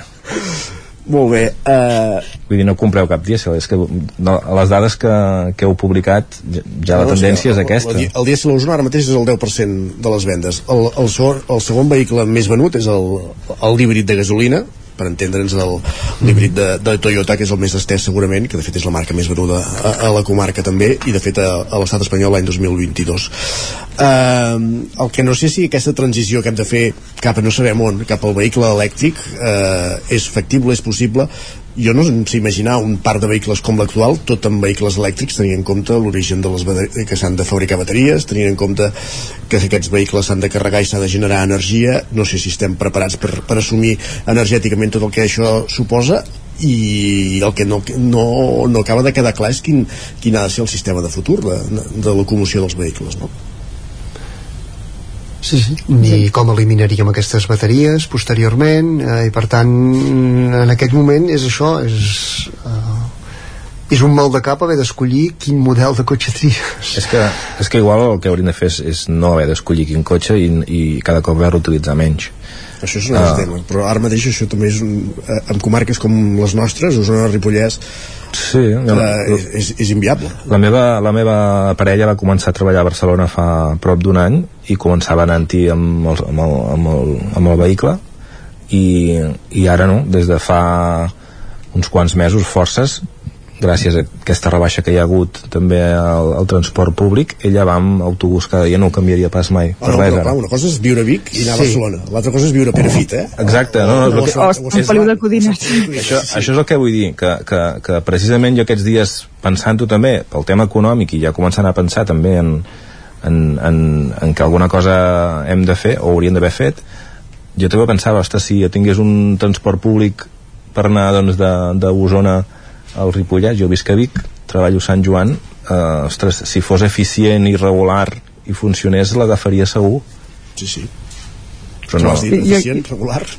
Però no és així. Tornant al tema, tornant al tema que estàvem dels elèctrics, um, aquesta incertesa que dèiem de cap on ha d'anar aquest uh, model de transport en un futur es tradueix també a l'hora de vendre els cotxes. Uh, jo fa poc he acompanyat els pares a, a comprar-se'n un i uh, al final han optat per un dièsel per X uh, motius però sí que la, la, el taller que els hi van vendre els hi van explicar que cada vegada hi ha més persones que opten per fer aquests finançaments flexibles que fan les mateixes uh, marques de vehicles que tu pagues un, un renting durant dos, tres anys i llavors al tercer any decideixes si et quedes aquell vehicle o si el canvies. I eh, la noia que ens, que ens va vendre el cotxe deia és que gairebé tothom opta per això perquè com que no sabem cap on aniran les lleis no saps si aquest cotxe d'aquí X podrà entrar a Barcelona, doncs eh, com a mínim, ja que t'estàs gastant uns diners en aquest producte que necessites, eh, poder fer el, el canvi si, si canvien les lleis i anar cap a un elèctric o anar cap a un híbrid o anar eh, cap al que sigui. I també vinculat amb, amb l'article del nou, he buscat unes dades d'un article que vaig fer jo amb el Marc Ballesà i es, es compleix eh, exactament igual, aquest creixement exponencial de, dels vehicles elèctrics, per exemple, l'any 2017 a tot el Vallès Oriental n'hi havia 92 i el 2022 609 per tant mm, anem creixent. Vaig parlar amb una persona que, que a més era d'una associació que fomenta aquest tipus de vehicle que ens explicava això que cada vegada eh, és més fàcil moure't per Catalunya amb un cotxe elèctric sense haver de patir i que fins i tot cada vegada hi ha restaurants, hotels, etc que eh, posen com a punt positiu el fet que ells tinguin punt de càrrega, perquè han vist que això també els hi aporta clients, no? De dir, munto un restaurant a peu de carretera i li poso el carregador perquè així m'asseguro que hi ha cert uh, client que em ve perquè dina i carrega el cotxe mentre dina. Clar, és el que deies tu, Isaac, si tots eh, fem aquest canvi, potser no hi ha prou restaurants per, no, per no, carregar no, cotxes. Hi ha no només restaurants, els habitatges no estan preparats d'entrada no. per carregar cotxes i hi ha cotxes que dormen al carrer, vull dir, aquests, perquè la base de carregar-lo el carregues a casa, no el carregues amb els, amb els carregadors que hi ha al carrer per entendre's. I, I el que tampoc està preparat són les nostres butxaques, eh? És, és això. Perquè, doncs, jo no em veig capaç ara Ostres, de... Jo, jo, jo tinc un, un record d'un carrer de, de Tromsø, al, al nord de Noruega, de nit, eh, tots els cotxes aparcats en fila i a cada punt de, del carrer un carregador dir... no, no, potser hi hem de tendir que el concessionari apuntava aquesta setmana que estem 10 anys enrere respecte a Europa en aquest aspecte. Segurament va per aquí també. Gemma, Joan, Miquel, moltíssimes gràcies. Hem esgotat el temps un dia més, com no. Doncs res, bon dia. uh, retrobem la propera i bon cap de setmana tots bon cap de setmana fins la propera i nosaltres hi posem música per acabar, música que sonarà aquest cap de setmana a l'Atlàntida de, de Vic en el, cicle, en el marc del cicle en veu de dona concert de Tarta Relena Marta Torrella i Helena Ros que tanquen la gira del seu disc Fiat Lux, del qual extraiem aquesta cançó que està sonant ara mateix, el suïcidi, el suïcidi i el cant, fins a les 10 al Territori 17.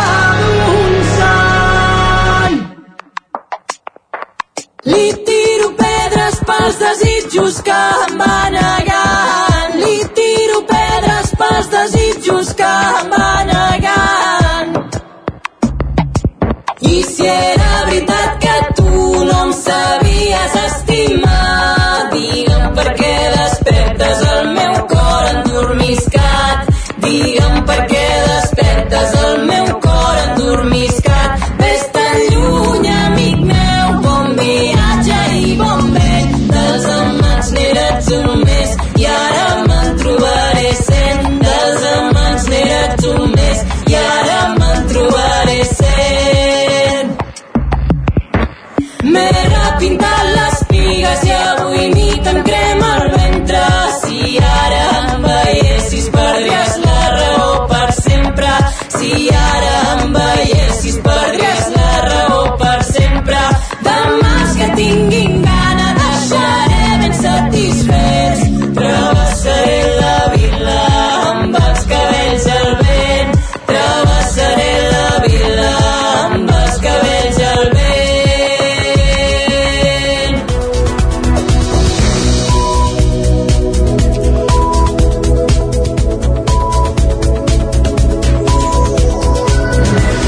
És moment al territori 17 de posar-nos al dia d'actualitzar-nos amb les notícies més destacades de les nostres comarques, el Vallès Oriental, l'Osona, el Ripollès i el Moianès, i ho fem en connexió amb les diferents emissores del territori 17. Per explicar-vos aquesta hora que Unió de Pagesos demana amb urgència mesures per fer front a l'increment generalitzat dels costos de producció. És un dels clams que es feien sentir aquest dijous durant la segona Assemblea Nacional que el sindicat va celebrar a Vic, Caral Àries. Aquesta jornada va servir ahir per presentar esmenes al, al pla de treball del sindicat que ha de començar a caminar aquest 2023. Un full de ruta que, entre d'altres, ha de fer front a la davallada del nombre de joves que aposten per dedicar-se professionalment a l'activitat agrària.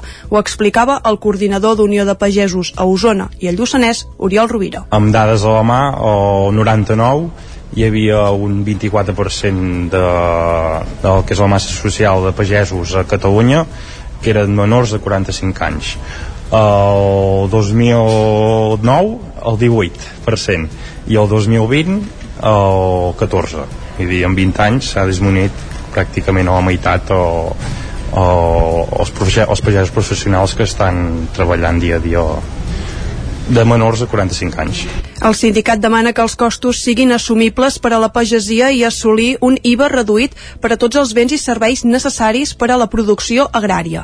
També demanen que els ajuts destinats a compensar l'increment de preus de fertilitzants arribin a totes les explotacions, ja que alerten que entre el setembre del 2021 i el 2022 el seu preu mitjà ha incrementat un 80%. Joan Cavall és el coordinador nacional del sindicat. hem vist com països i com la Unió Europea diu, però diu que els estats si volen doncs ho acabin fent doncs que també hi pot haver suport, hi pot haver ajudes doncs a la compra d'alguns elements, per exemple tot el tema de fertilització llavors es podia haver ajudat a la compra perquè hem de pensar doncs que d'un any per l'altre una llavor d'un ordi o un blat pot haver passat de 150 o 180 euros tonelada a 500 euros tonelada de compra per llavor. Per tant, això haurien d'haver mirat que aquest impacte no sigui doncs només suportat pel pagès.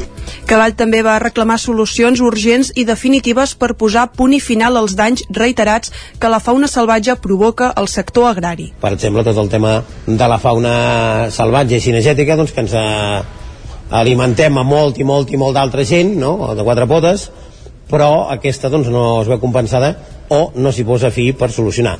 Eh, podem parlar de senglans, de cabirols, de conills o d'altres espècies doncs, que a casa nostra doncs, ens fan molt de mal En aquest sentit, el Pla de Treball 2023 aposta per un mercat just i equitatiu a la cadena alimentària, també per aconseguir que l'aplicació de la política agrària comuna amb 3 anys de retard beneficiï la pagesia i no l'especulació. I encara l'Assemblea Nacional d'Unió de Pagesos es va homenatjar el trollonenc Joan Masdemont, mort l'any 2020. Va ser el primer treballador assalariat del sindicat. La consellera d'Acció Exterior i Unió Europea i extreballadora de la Unió de Pagesos, Meritxell Serret, va participar en el tram final de la jornada. Aquesta es va poder concloure amb l'homenatge que el sindicat agrari va fer al torellonenc Joan Masdemont, que va morir l'any 2020. En parlava el coordinador nacional d'Unió de Pagesos, Joan Cavall. una persona que va treballar tota la seva vida professional a casa nostra, que el coneixia molta gent, la gent jove, doncs, com doncs, ja n'hi va haver uns que ja no el van conèixer tant, i malauradament doncs, bueno, el 2020 doncs, la Covid se'l van portar i com que estàvem en Covid doncs creiem la Unió que, doncs, que li devíem un homenatge que el farem avui aquesta tarda i el farem doncs, a la seva comarca L'usonenc va ser la primera persona que el sindicat va contractar. També va participar en la vertebració d'Unió de Pagesos i a definir el discurs de l'organització. Més qüestions. Anem cap al Ripollès, perquè veïns d'Ugassa reben una carta demanant que demostrin que viuen al poble i acusen l'equip de govern de voler inhabilitar-los perquè no es presentin a les eleccions municipals del mes de maig. Isaac Muntades, la veu de Sant Joan. Durant els últims dies hi ha com a mínim una quinzena de persones d'Ugassa que han rebut una carta on se'ls demana demostrar que viuen al poble firmant una declaració de responsabilitat i aportant documents com la factura de la llum o el gas. Això ha molestat el cap de llista de Fem Poble, Carles Mercader, que hi veu males intencions de l'actual equip de govern d'Esquerra Republicana de l'Ajuntament i que assegura que la petició només s'ha enviat a membres de la seva candidatura i familiars. És allò d'agafar, a veure, vaig a dir, a veure, aquest no hi és, vale, aquest l'envio, aquest em pot votar a mi, aquest no l'envio, però de la llista. Per exemple, pues en Joel no viu aquí, però com que té, com que té l'explotació ramadera, pues no l'he enviat, perquè, perquè creu que pot justificar-ho. Pues molt bé, aquest no l'envio. La mare de l'Alba, doncs aquesta sí que l'envio.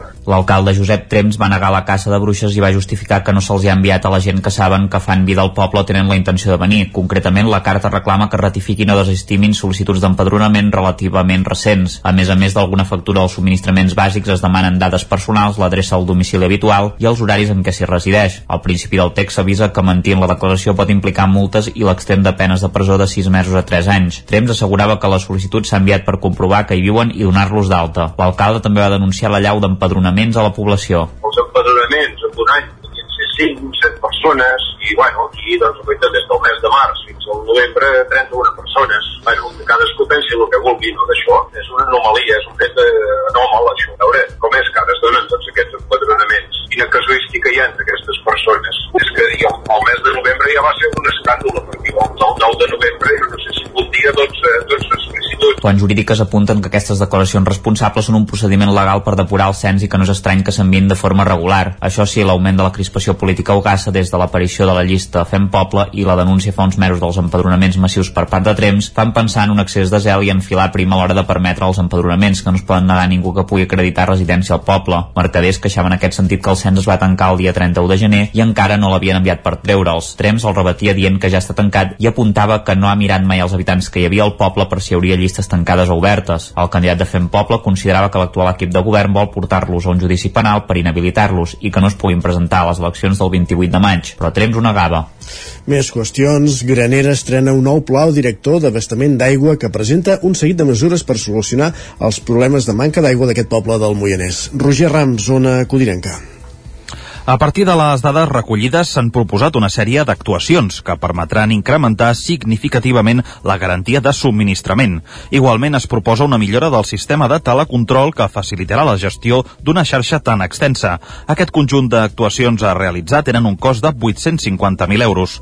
Pere Genescà és alcalde de Granera i explica el problema d'abastament que té el poble. Van afluixant a partir de, de mig 21 ja van afluixant i ja van començar a final amb cubes i, i el 22 doncs cada vegada els pous han donat menys fins que fa dos o tres mesos que res, 100% cubes.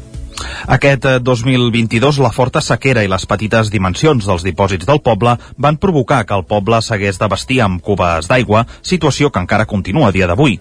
El treball fet per la Diputació de Barcelona proposa la construcció d'una nova estació de tractament d'aigua potable amb un cost de 340.000 euros per tal d'aprofitar els recursos existents al municipi, alhora que per millorar el servei als veïns de la fàbrica del Mercet, i descarta la construcció d'un nou pou de captació. Els geòlegs que han vingut per, pel pla director ens han dit que, que, no, que no ho féssim perquè igual ara hi ha aigua i demà passat ja, no, ja s'ha secat, saps?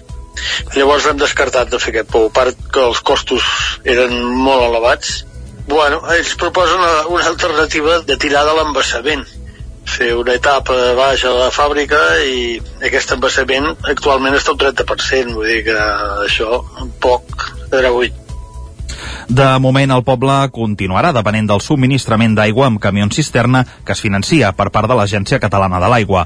Qualsevol possible inversió esbossada en el pla hauria de fer-se via finançament de la Diputació i de l'Agència Catalana de l'Aigua. Gràcies, Roger. Encara al Vallès Oriental, anem cap al Vallès Oriental, volem dir nous serveis del Consell Comarcal d'aquesta comarca en transició energètica, fons europeus i agenda 2030. Pol Grau, Ràdio Televisió Cardedeu. El Consell Comarcal del Vallès Oriental ha posat en marxa recentment tres noves oficines que donaran servei prioritàriament als ajuntaments i ens locals de la comarca. Són l'Oficina de Transició Energètica, l'Oficina de Fons Europeus i l'Oficina Agenda de 2030 i ODS, de les quals es faran càrrec de tècnics o consultories especialitzades en cada matèria. L'Oficina de Transició Energètica, impulsada i cofinançada per l'Institut Català d'Energia, busca accelerar la implementació d'energies renovables i la digitalització. També oferirà suport tècnic als ajuntaments, assessoraran l'anàlisi de les necessitats i detecció d'oportunitats i tramitarà ajuts i subvencions de l'àmbit de transició energètica. Pel que fa a l'Oficina Comarcal de Fons Europeus, l'objectiu és assegurar i acompanyar els ajuntaments en la gestió de fons europeus Next Generation. El servei promou el coneixement per part dels ajuntaments de la comarca dels fons existents, assessora el món local sobre la matèria i facilita la posada en marxa de nous projectes supramunicipals a la comarca tenint en compte el possible finançament d'aquests fons. Finalment, el tercer servei que s'ha posat en marxa és l'oficina l'Agenda 2030 i ODS, també creada a iniciativa del Consell Comarcal després de detectar una necessitat per part dels ajuntaments en aquestes matèries. L'oficina ofereix assessorament als ajuntaments per estendre la implementació de l'Agenda 2030 i ODS entre els ens locals. Més qüestions, tornem a Osona perquè el Carnaval de Terra Endins de Torelló arriba a la 45a edició. Es preveu augmentar el nombre de públic després d'una edició postpandèmica. L'any passat, que també va estar marcada, i de l'any passat, que també va estar marcada per la pluja. El Carnaval, però, se celebra el cap de setmana vinent. Aquest encara no, el següent. Caral. Posar els carrossaires al centre és un dels objectius de l'edició d'enguany del Carnaval de Terra Endins. Aquest dimecres es van donar a conèixer tots els detalls d'una edició que preveu duplicar el públic després de la pandèmia. De carrosses n'hi haurà 26, 11 de les grans de la categoria A i 15 de les petites. En total, a les comparses es mobilitzaran més de 3.600 persones. Ho explica el portaveu del Carnaval, Marc Tienda. Creiem que aquest any venim d'un ajornament i d'un dia plujós, si fa bon temps sí que hi haurà eh, el doble o el triple de gent. La rua serà el plat fort, però, com és habitual, dijous i divendres tindran lloc les altres dues festes més multitudinàries, el Pallasso i la Festa de les Senyoretes i els Homenots, que aquest any incorporen una mirada de gènere. Així, per exemple, al Pollasso s'hi afegeix un nou element, el xirri. Aina Cubí, presidenta de l'Associació de Deixebles de Sant Feliu, aprofundeix en els detalls. el jurat valori aquesta disfressa d'una manera més no tant seguint aquests cànons de gènere no, i aquests estereotips, sinó més a nivell de, doncs, de personatges o que in, incloguin aquesta perspectiva de gènere dins de la pròpia disfressa i no només això, sinó també que s'hagi fet de, doncs, de manera um, doncs, manual, no? que s'hagi fet a casa, que no s'hagi comprat Els dies de Carnaval de Torelló seran de disbauxa, però un any més es portarà a terme una campanya de prevenció. Com sempre, s'oferirà aigua gratuïta a les barres i a les carrosses. Els detalls d'aquesta campanya els avançava el regidor de Cultura, Xevi Lozano. Es fan tots els treballs als centres educatius, les visites als centres educatius, les cartes a, a les famílies, eh, perquè també eh, es responsabilitzin i, i puguin implicar-se en l'educació dels, dels seus fills i filles. El Carnaval de Terra Endins, però, es portarà a terme del 16 al 22 de febrer. Perfecte, doncs moltes gràcies, Carel. Acabem aquí aquest repàs informatiu que hem fet en companyia de Caral Àries, de Roger Rams, de Pol Grau i d'Isaac Muntades, i que començàvem al punt de les 10, moment ara d'abordar la previsió del temps. Casa Terradellos us ofereix el temps. El temps al territori 17 és cosa d'en Pep Acosta. Tornem a una codinenca, Pep. Benvingut, bon dia de nou. Hola, per fi és divendres i ja tenim aquí el cap de setmana. Avui ja tindrem més termòmetres per sobre els 10 graus. Uh, la majoria màximes entre els 10 i els 13. Per tant, uns migdies una mica més suaus. I aquesta serà la tònica de tot el cap de setmana. Demà dissabte, novament, nit freda, eh, glaçades, importants cap a l'interior, el prelitoral no glaçarà, i les temperatures màximes pujaran 1 o 2 graus més. Moltes màximes ja dissabte entre els 13 i els 16 graus, ambient agradable al migdia, i al mateix temps, la mateixa llei de temps, el mateix anticicló ens dominarà diumenge, amb molt de sol, vents molt febles, alguna boira a les nits, però que de seguida s'aixecarà, molt contrast entre el dia i la nit. Mínimes no- novament negatives a moltes, moltes poblacions i a zones de muntanya, les màximes entre els 13, 16, 17 graus la majoria de les temperatures. Uh, un ambient molt agradable al migdia, un ambient fred a la nit. Uh, aquestes dates ja és normal aquest, uh, aquest ambient, aquestes temperatures, i és que anem guanyant hores de sol, uh, tot i que les nits, òbviament, encara és d'hivern i són fredes. I uh, no tindrem canvis de temps uh, ben bé fins dijous divendres. Dijous divendres, la setmana que ve, sí que sembla que hi pot haver novament canvis i pluges una mica importants. Aviam si es compleixen i ja va, va plovent que mica en mica anem acabant amb aquesta sequera tan enorme que estem tenint. Moltes gràcies i molt bon cap de setmana. Adeu. Bon cap de setmana a tu, Pep. Moltíssimes gràcies. Tot seguit anem cap a l'agenda esportiva. Casa Tarradellas us ha ofert aquest espai. Territori 17. Envia'ns les teves notes de veu per WhatsApp al 646 079 023. 646 079 023. WhatsApp Territori 17.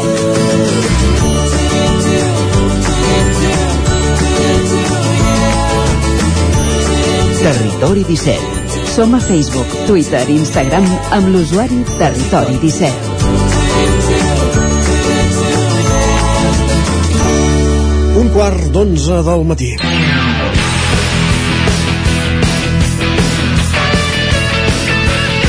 Energia al territori 17 perquè arriba el moment de parlar d'esports. Hem de saber quina és l'agenda pels equips, quins compromisos tenen els equips i esportistes de les nostres comarques aquest cap de setmana. Una agenda que fem en roda, en roda per les emissores del territori 17. Anem fins a Ràdio Televisió Cardedeu, allà ens esperen Pol Grau un dia més. Benvingut, Pol. Bon dia. Com tenim l'agenda? Bé, tenim un derbi aquest cap de setmana, a veure com... O dos, és, crec. Sempre és interessant, va. Comencem amb... Sempre fa caliu. a segona catalana amb el, primer equip del Cardedeu que juga demà dissabte fora de casa a dos quarts de sis contra el Juventus Lloret el Cardedeu que va tercer juga contra el Juventus que va setè amb no, 8 punts de diferència o sigui, veurem si manté la posició a tercera catalana. Tenim el derbi on juga a, ca a casa. Demà dissabte també a un quart de sis Cardedeu contra Llinàs veurem com, uh, com acaba el partit perquè van a, empatats quasi a un punt de diferència. Veurem qui surt victoriós d'aquest derbi. I a primera catalana tenim el juguen demà també dissabte a les 4 de la tarda el Vic contra el Granollers. El Granollers també que va eh, tercer amb 30 punts i el Vic 5 amb 28 veurem si aconsegueix avançar-lo o manté la posició el Granollers. Uh, en bàsquet tenim a la Lliga EVA el Granollers que juga fora de casa demà dissabte a tres quarts de sis contra el CCA i el Llinàs eh, juga també dissabte a les 8 de la nit fora de casa contra el Club Basquet Aleia uh, i en vol eh, el Franklin juga fora de casa també avui a les 8 de la nit contra el Civitas Balonmano Guadalajara i acabem amb el amb el femení, el CAC 7 Granollers, que juga a demà dissabte a casa al Palau d'Esports de Granollers a les 8 de la nit contra el Rocasa Gran Canària. recuperada la Lliga Asobal després del Mundial i que torna a jugar, per tant, al Freaking Granollers. Gràcies, Pol, tornem més tard. Fins ara. Fins ara. Uh, continuem, anem fins a una codinenca, allà hi ha en Roger Rams. Roger, com tenim l'agenda? Què tal? Doncs va, repassem, repassem una miqueta el que tenim per davant eh, esportivament pels nostres equips aquest cap de setmana i comencem parlant de futbol, perquè la primera divisió catalana, el Calde jugarà aquest diumenge el seu partit corresponent a la 17a jornada de la Lliga o, i ho farà a casa rebent el Bascanó, un rival directe. Els calderins són ara onzens, empatats a 17 punts amb el conjunt gironí, que és 12è. Més futbol a la tercera divisió catalana. El Viga serà el primer dels nostres equips a jugar el seu partit d'aquesta 19a jornada i ho farà demà dissabte a dos quarts de cinc de la tarda al camp del Tona. Una sortida complicada pel Vigues, que segueix sent cué del grup amb només 11 punts, mentre que el conjunt usonenc és segon amb 36. A la mateixa categoria i grup, ja diumenge, el Sant Feliu de Codines rep el líder, el Mollà, a les 12 del migdia. L'equip codinenc és ara mateix vuitè a la classificació amb 27 punts, mentre que els de la capital del Moianès segueixen líders amb 38. En el partit que va enfrontar a tots dos equips la primera volta de la Lliga, el Mollà es va imposar per 2 a 1 al marcador. Passem ara a l'hoquei perquè el rec amb les arcaldes torna a la competició europea aquest cap de setmana amb bon gust de boca, ja que el darrer partit disputat farà unes setmanes davant el mateix rival al qual s'enfronta aquest dissabte, el francès Labeden, va acabar amb victòria pels ballesans. Aquest cop, però, juguen fora de casa en un partit que, segons preveu el tècnic calderí Eduard Candami, serà complicat i en cas de victòria per part d'alcaldes passaria als quarts de final de la World Skate Cup. Uh, I acabem amb l'hoquei femení, que tampoc no s'atura, si bé hi ha hagut jornada intersetmanal aquest dimecres, en la que el Vigues i Riells va ser golejat per 7 a 1 a la pista del Vilassana, doncs bé, el conjunt ballesà torna a jugar demà dissabte a les 9 del vespre a casa on hi rebrà el Cerdanyola, que està en una posició per sota de les bigatanes a la classificació, ja que el Vigues és desè amb 18 punts i el Cerdanyola 11 amb 16, per tant, un altre rival directe. La darrera vegada que tots dos equips es van veure les cares va ser el Vigues qui es va imposar per 4 a 6. Gràcies, Roger. Parlem d'aquí una estona. Fins ara. Fins ara. I eh, anem fins a la veu de Sant Joan, al Ripollès. Isaac, com tenim molts compromisos esportius dels equips d'aquesta comarca. Doncs mireu, comencem pel futbol al grup 18 de la tercera catalana perquè aquest cap de setmana tenim un plat fort amb la disputa del derbi entre el Camp de Bànol i el Camp Prodon a les 4 de la tarda al municipi Camp de Banolenc. Recordem que el Camp de Bànol és tercer amb 34 punts i tot i empatar el darrer partit porta una ratxa de només una derrota en 8 partits i 6 triomfs, per tant força bé, i el Camprodon en canvi és amb 24 punts, però és la irregularitat personificada, eh, ha guanyat i perdut 3 partits en els últims 6 encontres, amb resultats ben diferents, golejades escandaloses i derrotes per la mínima, per tant veurem qui s'emporta aquest primer derbi de, de la segona volta. I pel que fa a la Badesenc, jugarà a la mateixa hora al camp de la Cellera, els Sant Joanins de, són tercers amb 36 punts i encadenen 3 victòries consecutives, per tant estan en una bona dinàmica i a més a més juguen contra un dels equips més febles de la categoria perquè la Cellera va setzena a la classificació amb només 16 punts i està en zona de descens. Només ha guanyat un partit de Lliga des del 8 d'octubre i des de llavors 9 derrotes, 4 empats i un sol triomf. Per tant, un equip s'equipa pels Sant Joanins per sumar 3 punts més. I també dir-vos que la primera nacional de futbol sala, l'escola de futbol sala Ripoll Servicat, jugarà a la pista de l'escola Pia Santana de Mataró aquest dissabte a dos quarts de set de la tarda. I és un partit molt important pels ripollesos perquè es tracta d'un rival directe, perquè el Ripoll és cinquè amb 27 punts, mentre que l'escola Pia està una posició per sota amb 26. Per tant, una victòria ripollesa podria fer pensar en assolir un objectiu més ambiciós aquesta temporada com és el, el podi de la Lliga.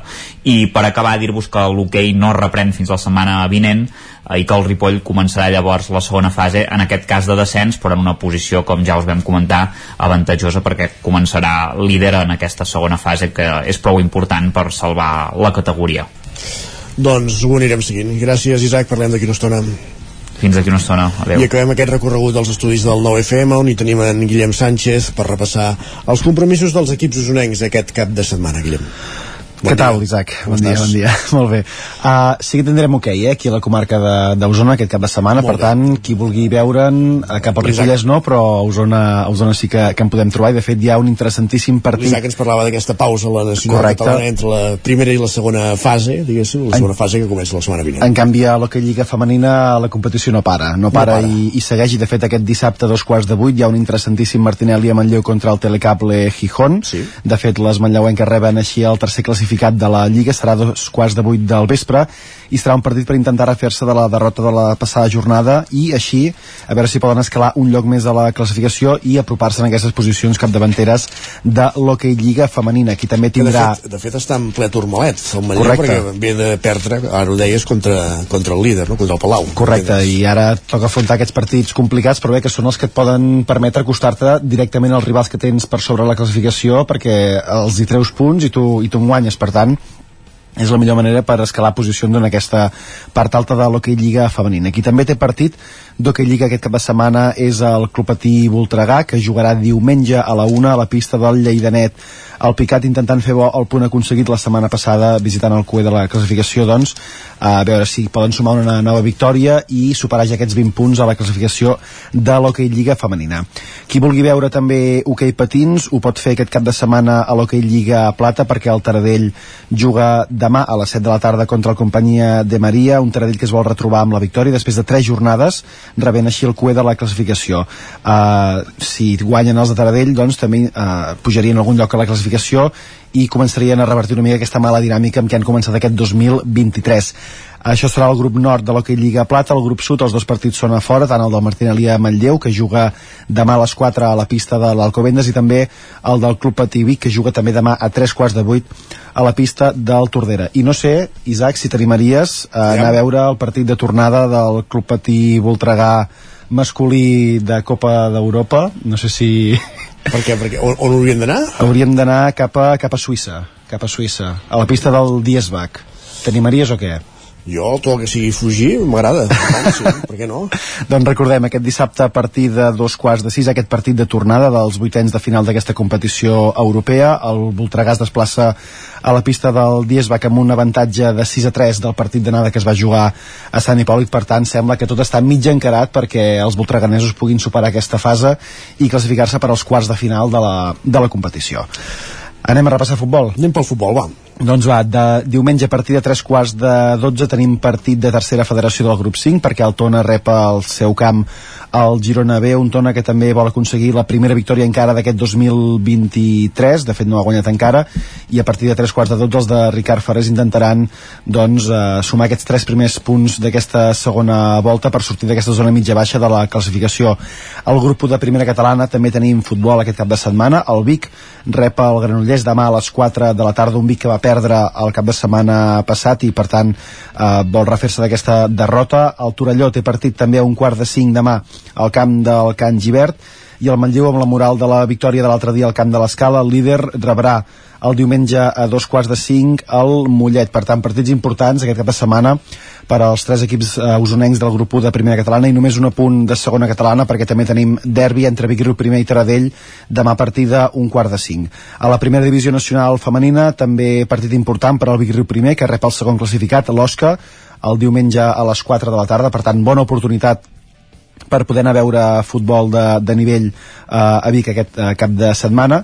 I si et sembla Isaac també repassem altres esports. Per exemple en bàsquet, el Club Bàsquet Vic Universitat de Vic rep aquest dissabte també a un quart de nou del vespre el Sol Gironès Bisbal Bàsquet que és el quart classificat ara mateix de la, de la Lliga. Recordem que el Vic continua en aquesta primera posició i que si guanya sumarà ja 15 victòries en aquesta, en aquesta competició. Per tant una molt bona dinàmica del conjunt de Sergi Fortes que vol eh, seguir allargant amb aquest partit d'aquest cap de setmana contra el Sol Gironès Bisbal. I també un apunt de tenis taula perquè qui vulgui veure tenis taula de qualitat ho pot fer aquest cap de setmana el diumenge a dos quarts d'onze i també a dos quarts de sis de la tarda perquè el Girbau Vic Tenis Taula juga dos partits. Carai. el corresponent a aquesta jornada contra l'Irun al matí i recuperarà també el partit de la jornada número 11 contra el Linares a la tarda per intentar escalar encara posicions a la classificació. Per tant, un cap de setmana farcit de molts partits, de molt esport a la comarca d'Osona, tant en bàsquet com en hoquei, com en futbol, Esport com també en tenis taula. Gràcies, Guillem. Que vagi molt bé. Ara sí, bon cap de setmana i fins dilluns, eh? Perfecte, ens escoltem dilluns. Vinga, adéu-siau. I nosaltres el que fem al Territori 17 és una pausa per la publicitat, 3 minuts i clàssics musicals. Avui Jaume Espuny amb un disc de la Sheryl Crow. Fins ara mateix. El nou FM, la ràdio de casa, al 92.8. Del 5 a l'11 de febrer torna el Carnaval de Centelles. Diumenge 5 tret de sortida amb el pregó de Carnaval i durant tota la setmana segueix les consignes esbojarrades del rei Carnestoltes cada matí a través de les xarxes socials i la web de l'Ajuntament. El divendres 10 de febrer, Rua de Carnaval de les escoles i dissabte 11, Gran Rua de Carnaval a partir de les 5 de la tarda amb lliurament de premis i festa al pavelló municipal. Del 5 a l'11 de febrer, no et perdis el 42è Carnaval de Centelles. Ja tens la teva disfressa? Carnestoltes a Manli. Vine i demana'ns la disfressa que vulguis. Trobaràs un món de fantasia en disfresses i complements per al Carnestoltes. Hi ha uns preus especials. Som al carrer Ramon Soler, número de Vic, i també ens trobareu a manli.cat. Fem de la festa una bogeria. Una bogeria. Al forn de pa i pastisseria Glina hi trobareu una gran varietat de pans de producció pròpia amb farina de blat i de molts altres tipus, tots elaborats al nostre obrador. També us oferim tortells, braços de gitano, coques, brioixeria i pastes seques i pastissos personalitzats. I ara també ens trobareu al Mercat Municipal de Torelló. Forn de pa i pastisseria Glina, carrer Major número 9 de Sant Vicenç de Torelló i Mercat Municipal de Torelló. Bon dia, us truco del servei tècnic oficial de Bailand. Hem detectat que la pressió de la seva caldera està baixant. No me n'havia adonat. Com es pot solucionar? Ho resoldrem en uns minuts. No espereu més. Amb el servei de manteniment ServiPlus Connect de Bailand, preocupeu-vos del que realment importa. Nosaltres ens encarreguem de la vostra caldera. Informeu-vos a connectivitat.bailand.es. Bon dia, són les 9 al Territori 17. La Miquel Parella. Cada matí i durant dues hores t'acompanyem i et posem al dia de l'actualitat de casa nostra.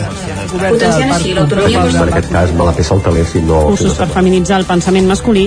Territori 17, el magazín matinal d'Osona, el Moianès, el Ripollès i el Vallès Que la Oriental. meva àvia de 93 El anys... 9 FM, el 9 TV, el 99.cat i també els nostres canals de Twitch i I YouTube. demà per fer-se un tatuatge. Cada matí, Territori 17. Ole. Cocodril Club.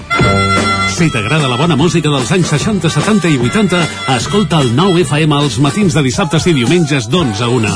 És el temps del Cocodril Club, tot un clàssic de la ràdio, amb les bases del pop-rock, les llegendes, les cançons que s'han convertit en autèntics himnes. Recorda, dissabtes i diumenges al matí, d'11 a 1, al 9 FM 92.8. Cocodril Club.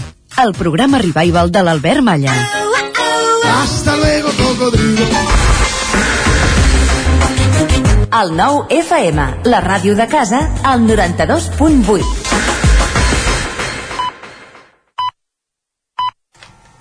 Ara mateix al Territori 17, dos quarts d'onze.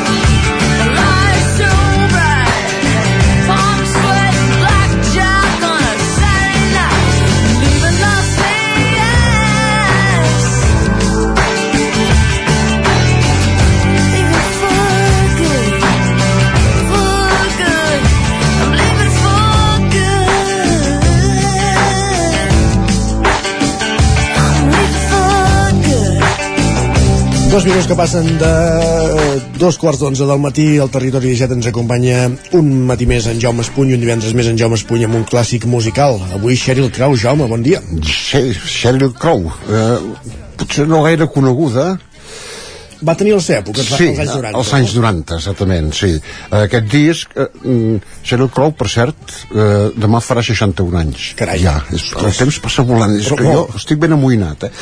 eh I és, eh, el disc és Tuesday Night Music Club, el club de música dels dimarts, diria jo, eh, i és de l'any 1993 i és el primer disc que, que, que va fer, que va gravar, eh?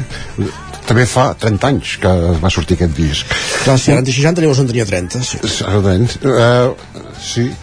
Un disc uh, amb, amb molta marxa.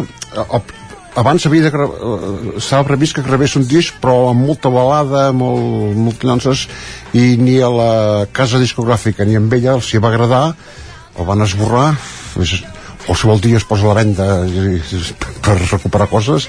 I, i no, i, i va gravar aquest eh, que és rock pur i, pur i dur amb els, amb els seus amics que es deien bueno, una colla d'amics que més o menys era un grup però no, etc que es deien Tuesday Night Music Club com el disc, no? Uh, uns bons músics Assajaven els dimarts. Exacte.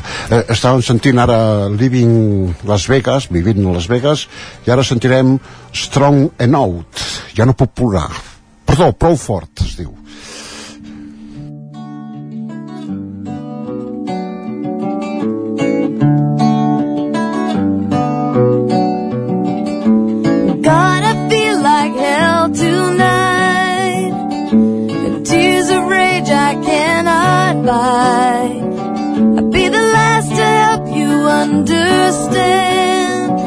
Are you strong enough to be my man?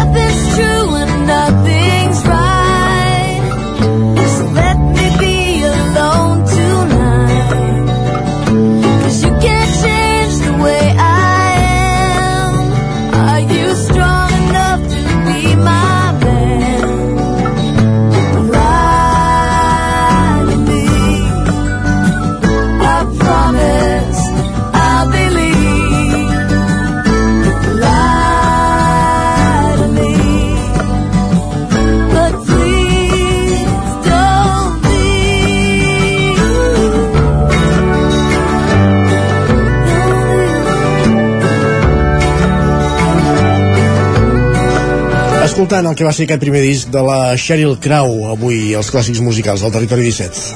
M'agraden aquestes guitarres a mi.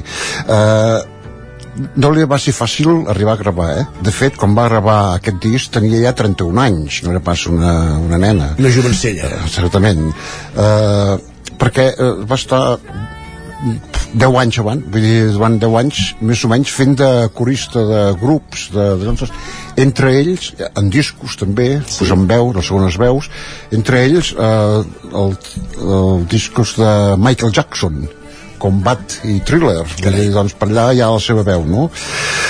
I, i durant aquella època va ser mitja nòvia de, de Larry Clapton, a més a més, que també va també l'acompanyava a alguns concerts. concerts, uh I a més de, de, de tenir una bona veu, que una veu, també era un bona guitarrista. I també eh, totes les cançons estan compostes per ella, bueno, per ella i per tots els altres músics, o sigui, per la colla d'amics que eren, no, que... Els Tuesday Night Music Club. Exactament, que es reunien i feien música però que no, no actuaven. Mm, eh, ara escoltarem eh, la cançó més guitarrera del disc, que a mi m'agrada molt, Can't Cry Anymore.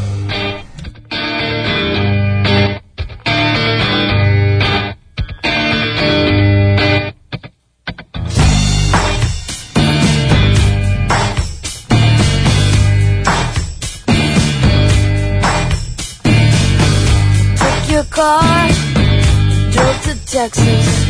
Sorry, honey, but I suspected we were through. And I can't cry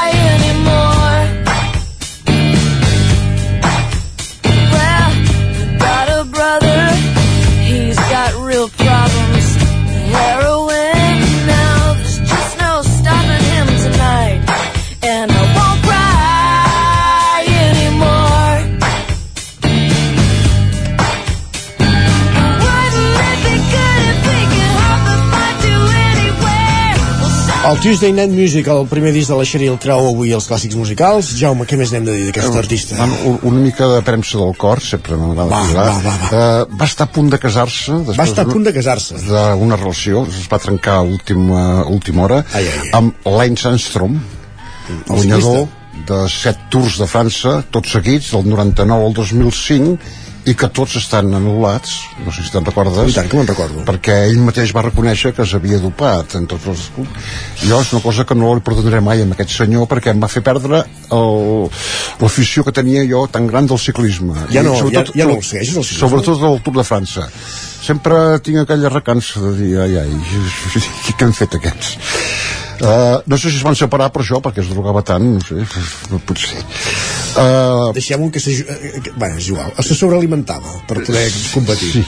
Uh, la, la, la Sheryl Crow, Sheryl Crow continua gravant discos, però ja no és tan famosa com va ser als anys 90 i ha tingut eh, un parell de- de- d'ensurts de, de, de mala salut però no, però està bé no?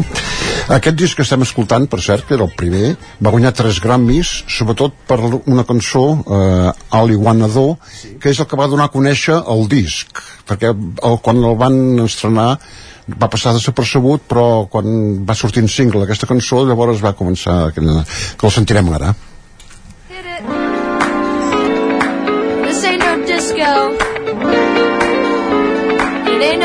club either.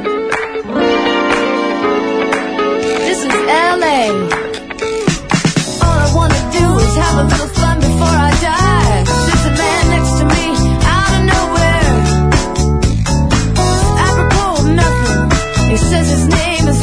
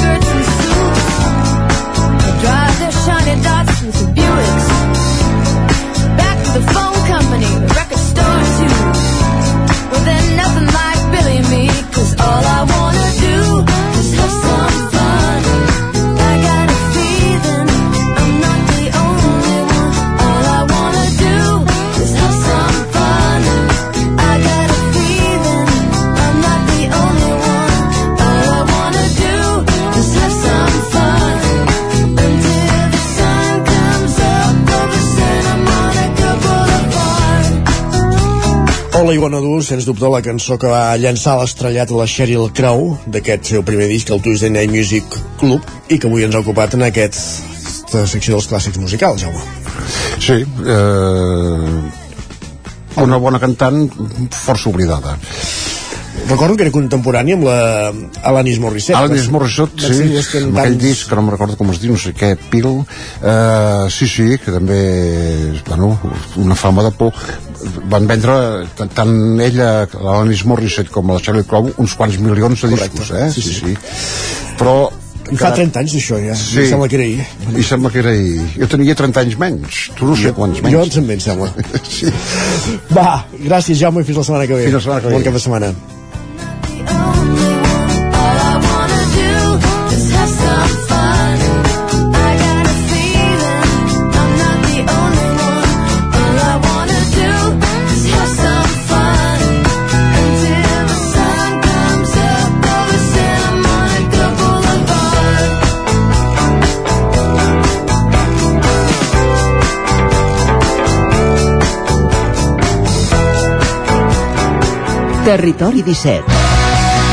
El 9 FM, la veu de Sant Joan, Ona Codinenca, Ràdio Cardedeu, Territori 17.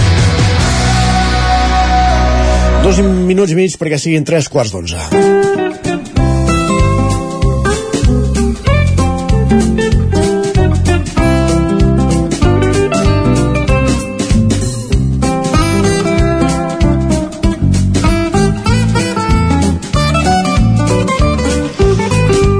I és el moment d'abordar l'agenda, de començar la roda per les emissores del Territori 17 per saber quins són els actes principals que no ens podem perdre imperdibles aquest cap de setmana als diferents punts de, de les nostres comarques.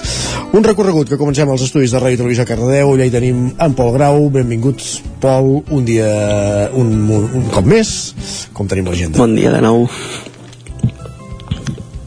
Doncs veiem què tenim aquest cap de setmana. Eh, comencem amb...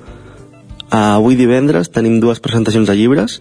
A les 5 de la tarda al Tarambana tenim la presentació de llibres de la Montse Soler amb exposició al Tarambana i a les 7 tenim la Danza de les Estrelles de Lorenzo López Fernández a la Biblioteca Marc de Vilalba. Uh, diumenge tenim a tres quarts de 12, com vam parlar ahir, al Ball de Gitanes, a la plaça Sant Joan, a les 12. A les 6, a les 6 de la tarda tenim l'obra de teatre Els Àngels no tenen, no tenen fills, al Teatre Auditori de Cardedeu. Al Cinema Esbarjo tenim la pel·lícula a La vida sin ti, avui divendres, demà dissabte i diumenge. I per acabar, a Granollers tenim també la, la, el diumenge a la porxada a les 12 del matí tenim el, al Ball de Gitanes on tindrem el Ball de Gitanes a Granollers i a, Carde, a Cardedeu aquest també a la plaça Sant Joan a les, al matí a les 12, a les 12. Eh,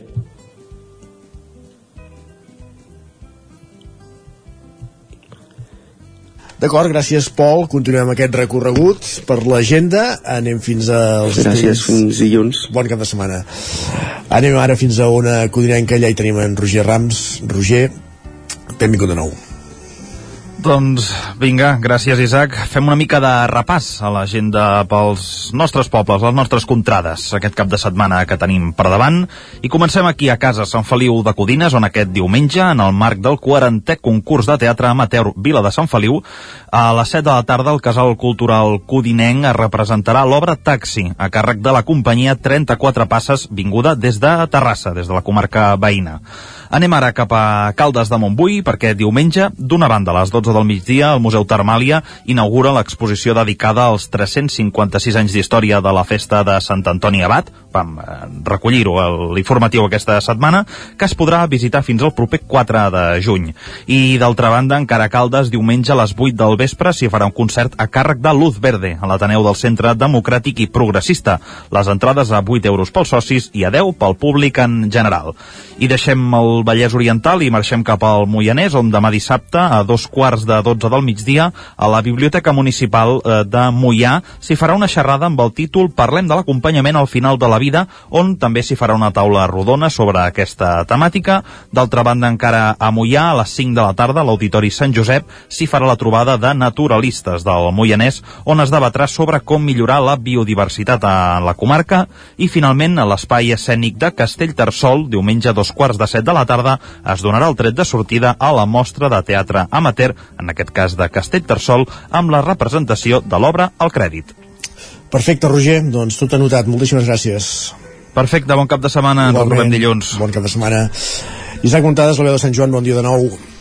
Bon dia de nou. Aquest cap de setmana tenim bastanta activitat aquí al Ripollès. Per exemple, a, a, sí, comencem per aquest divendres a la Biblioteca Lambert Mata de Ripoll a les 5 de la tarda hi ha una xerrada sobre l'envelliment actiu de les persones amb discapacitat a càrrec de Marisol Matamoros. Això Uh, després hi ha un, a un quart de set al Club de Lectura per majors de 10 anys amb el comentari col·loqui del llibre La invenció de l'Hugo Cabret de Brian Selznick que anirà a càrrec de Montse Maestre i després també una mica de teatre perquè a dos quarts de nou torna una nova edició del cicle íntims de teatre de prop al Teatre Comtal de Ripoll amb l'obra d'Ivan i els gossos de Haiti Naylor dirigida per Xavier Boada interpretada per, per Pau Rossell.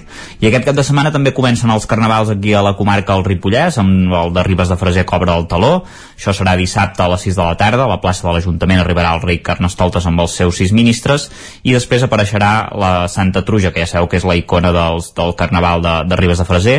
Hi haurà el ball de la mort del porc amb l'Esbart Eudal Coma i el berenar de sucamulla i musiqueta amb DJ Fran això i diumenge al migdia al Passa al Mercat inauguració del Monument del Carnaval i el Ball Vermut organitzat pels Godalls També aquest dissabte teniu, teniu diverses cites aquí a Sant Joan de les Abadeses perquè s'inaugurarà la nova biblioteca Josep Picola ubicada a l'edifici neoreixentista Duran i Reinals. Serà la inauguració a les 12 del migdia i hi haurà portes obertes de 4 a 6 de la tarda i també eh, aquest eh, dissabte a les 12 del migdia l'Espai Tart 60 de Sant Joan inaugura la seva segona exposició abstracte quàntic de Miquel Lourdeig i durant la inauguració doncs, l'artista biguetà crearà una obra en directe que serà sortejada entre tots els assistents. També aquest dissabte a Sant Joan, a les 6 de la tarda, hi ha una sessió informativa inicial sobre la mobilitat a Sant Joan de les Abadeses. És un procés de participació ciutadana i fins al mes de maig es farà una sessió informativa, una enquesta en línia, en línia i tres tallers diferents, cada un dedicat doncs, a parlar i debatre sobre la mobilitat a peu, els vehicles lleugers i el trànsit rodat, que està obert a tothom i per exemple aquest dilluns es farà el taller de mobilitat a peu a les 7 de la tarda. També hem de dir que a Ripoll la Lluerna Llibreria celebrarà el seu primer aniversari amb diverses activitats Uh, hi ha de cara a diumenge a les 5 de la tarda al pavelló municipal una audició de sardanes amb la principal d'Olot organitzat per l'Associació Sardanista de Sant Joan i abans al matí, uh, si fa una setmana recordem que es van a buscar el pessebre al cim del Taga de la mà de la Unió Excursionista de Sant Joan. Aquest cap de setmana és el torn de la recollida del pessebre de Costa Pobilla per part del grup excursionista de Can de Bànol i se sortirà a les 8 del matí a la plaça de la Mainada i a la tarda es farà l'arribada del pessebre a la Torre Mossèn Tori i allà es quedarà juntament amb, els, amb la seixantena de pessebres de tots aquests anys que s'han pujat a, a Costa Pobilla. Perfecte, Isaac, doncs moltíssimes gràcies. A vosaltres. Bon cap de setmana. Bon cap de setmana. I del Ripollès baixem a Osona, als estudis del 9FM hi tenim en Miquel R, Jordi Vila, Rodam, Comença en Jordi avui, veig que ho assenyaleu. Doncs va, uh, comencem, comencem. I jo acabaré amb la disbauxa. Molt bé, doncs va, bon dia. Bon dia, començarem parlant d'aquest uh, cicle que inicia l'Atlàntida aquest cap de setmana, que és en veu de dona. És com un cicle o un itinerari per espectacles que ja formen part de la programació de l'Atlàntida per aquest primer semestre, però que tots tenen alguna cosa, concentren, es concentren aquests en, el, en els mesos de eh, febrer i març i tenen alguna cosa que veure doncs, amb les qüestions de gènere, perquè aquest cicle d'alguna manera es vol fer coincidir amb, amb els voltants abans i després del 8 de març, que és el Dia Internacional de les Dones. I, i això doncs comença eh, amb dues mm, propostes molt potents. Una és Yerma, que és aquest clàssic de García Lorca, de Federico García Lorca, sobre eh, la dona que no, no pot ser mare i la pressió que hi ha en un context rural de l'Espanya del moment eh, perquè la dona que no és mare no és una dona realitzada. I, i tot això doncs convergeix en una tragèdia que ja podríem dir que és una, una tragèdia universal i herma i que ara ha posat en escena Carlos Martel, que és el director del Teatre Lliure, l'obra es va estrenar lliure, eh, protagonitzada eh, per l'actriu madrilenya Maria Herbàs. Eh, aquesta obra va anar a Madrid eh, ara torna aquí de gira mm, i, i passa per l'Atlàntida entre els primers teatres que, que passa de Catalunya. La gira de Ierma a més a més amb la Yolanda Sey amb una actriu usonenca dintre d'un dels papers de, de, de l'obra. Aquesta és la primera proposta aquesta serà just avui, aquest divendres a les 8 del vespre. I demà n'hi ha una altra també dintre del cicle de les dones, de, en veu de dona, que és l'Estar Tarralena, la Marta Torrella i l'Helena Ros, que són aquest duet amb aquest joc de veus espectacular que fan eh, al final de gira del disc que estan girant des de fa 3 anys o 2 o 3 anys ben bé, que es deia Fiat Lux. I aquest eh, final de gira aquest any consta de molt pocs concerts de fet elles faran molt poques actuacions perquè ja treballen en altres projectes i seran especials, no sabem encara ben bé en què, però eh, sí que hi haurà un concert a les 8 del vespre a l'Atlàntida, que és el primer de tres que faran aquest any, que tindrà un format especial i serà com aquest, aquesta cluenda de tot aquest projecte eh, basat en, en la polifonia tradicional també, amb aquest joc de veus, amb l'electrònica barrejada, etc etc. Bueno, qui conegui la proposta d'Art Arlena doncs ja sabrà de què estem parlant. Aquestes podríem dir que són dues de les coses principals que tenim. Farem un repàs ràpid per deixar-li sí. deixar lloc doncs, després més el, amb el company Miquel R eh, d'altres coses que tenim aquest cap de setmana. Tenim la jove capella reial de Catalunya en els concerts d'Amics de la Música de Manlleu però amb una particularitat aquest dissabte traslladen el concert al Santuari de la Gleva amb un títol amb una proposta basada eh, en peces del barroc. Eh, molt interessant aquest concert. Eh, un altre concert també en l'àmbit més o menys clàssic podríem dir amb l'Eos Quartet a l'Atlàntida el diumenge a les 6 de la tarda una formació en què hi ha dos usonencs per cert, l'Ernest Martínez i la Sara Balasco un concert que acaba sent un concert espectacle d'alguna manera. Les històries de l'avi Josep que ja es havien pogut veure a Vic se'n van en aquest cas a Manlleu amb l'actor Eduard Mauri de Sant Hipòlit de Voltregà que és un dels protagonistes d'aquest muntatge que es podrà veure a les 6 de la tarda a l'Espai Rossinyol de Manlleu.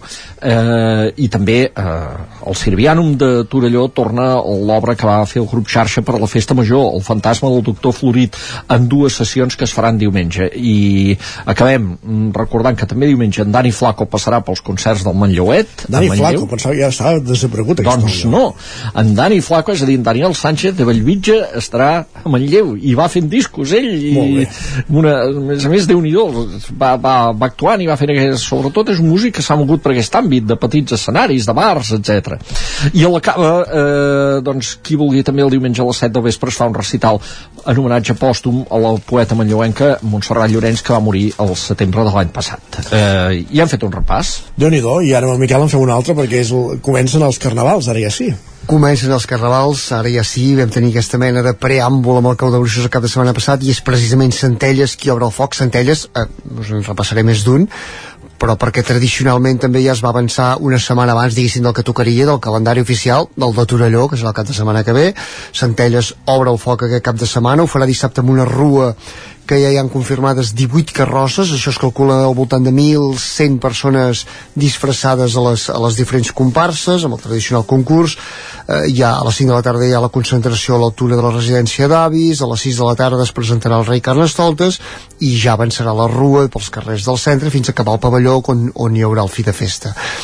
Això Centelles, ja dic, com a, com a pelat fort i com a, com a arrencada de carnavals, que estarem tres setmanes aquí a la comarca d'Osona parlant de, de carnavals, Uh, però també n'hi han de, de més petits, de caràcter més familiar, segurament, com són uh, el de Call d'Atenes, a Call d'Atenes el tenen rebatejat com el Carcamal, i uh, això serà dissabte a la tarda. També la rua avançarà pels carrers del poble i en aquest cas com a, com a epíleg diguéssim destacat hi haurà un fi de festa amb la rumba de, de Palat i Pelut i diumenge, eh, també no, perdó, el mateix dissabte a Sant Miquel de Balanyà, també que organitzen una mica la zampa de les escoles, per tant, caràcter familiar, a partir de, mi- de mitja tarda també, eh, rua de carnestoltes, eh, concurs de disfresses, i acabarà també amb, amb teca i amb, i, amb, i amb entrepans per tothom.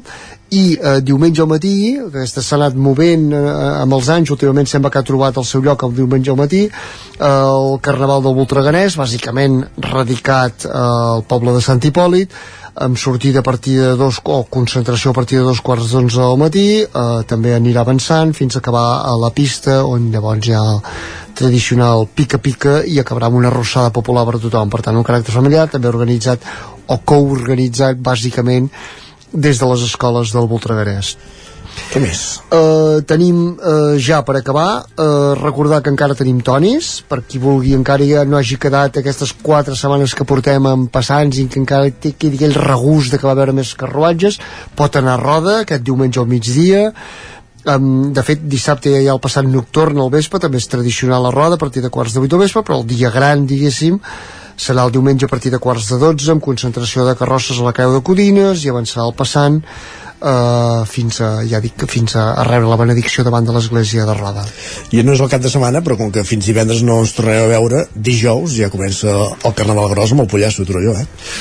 Correcte, a més a més un Pollasso que aquest any està d'aniversari 25a edició de, del Pollasso eh, allò que dèiem de preàmbuls, eh, un preàmbul que també ha agafat vida pròpia, fins Correcte. a una vida que fins i tot ha arribat al teatre, eh, per tant eh, mira si ha tingut recorregut la festa I amb, amb elements nous, amb el xirri aquest any. eh? aquest any amb, amb elements nous i per tant ja dic un bon preàmbul del, del Carnaval de Torelló que serà el cap de setmana que ve juntament amb altres petits carnavals una mica eh, el que ha passat és, amb els carnavals ha estat una mica com els tonis no? el, el de Torelló va agafar tanta empenta és, és, té tan gruix aquí a la comarca que va acabar centrifugant altres festes amb el cap de setmana anterior i posterior i alguns fins i tot més enllà per donar peu precisament que la gent pugui anar en aquest en aquest, en aquest carnaval, aquesta rua més, la, la més multitudinària de la comarca. Deia com els tonis perquè precisament va passar una mica el mateix, eh, s'han hagut d'anar repartint una mica el calendari Correcte. perquè hi ha els dos o tres primers que són tan importants que es mengen, que es menjaven bona part del pastís.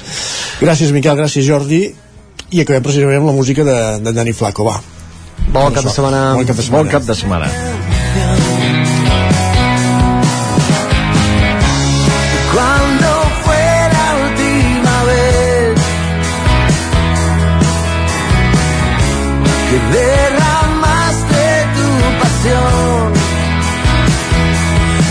Abrazas pensando en el crujes de dolor, tiemblas de placer.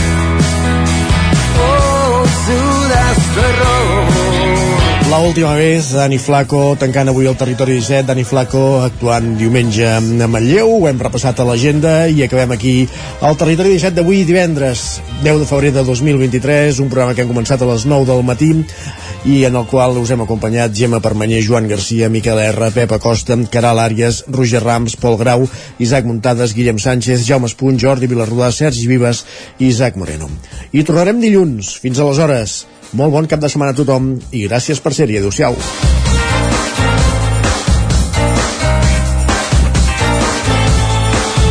Territori 17, un magazín del nou FM. La veu de Sant Joan, Ona Codinenca i Ràdio Cardedeu amb el suport de la xarxa.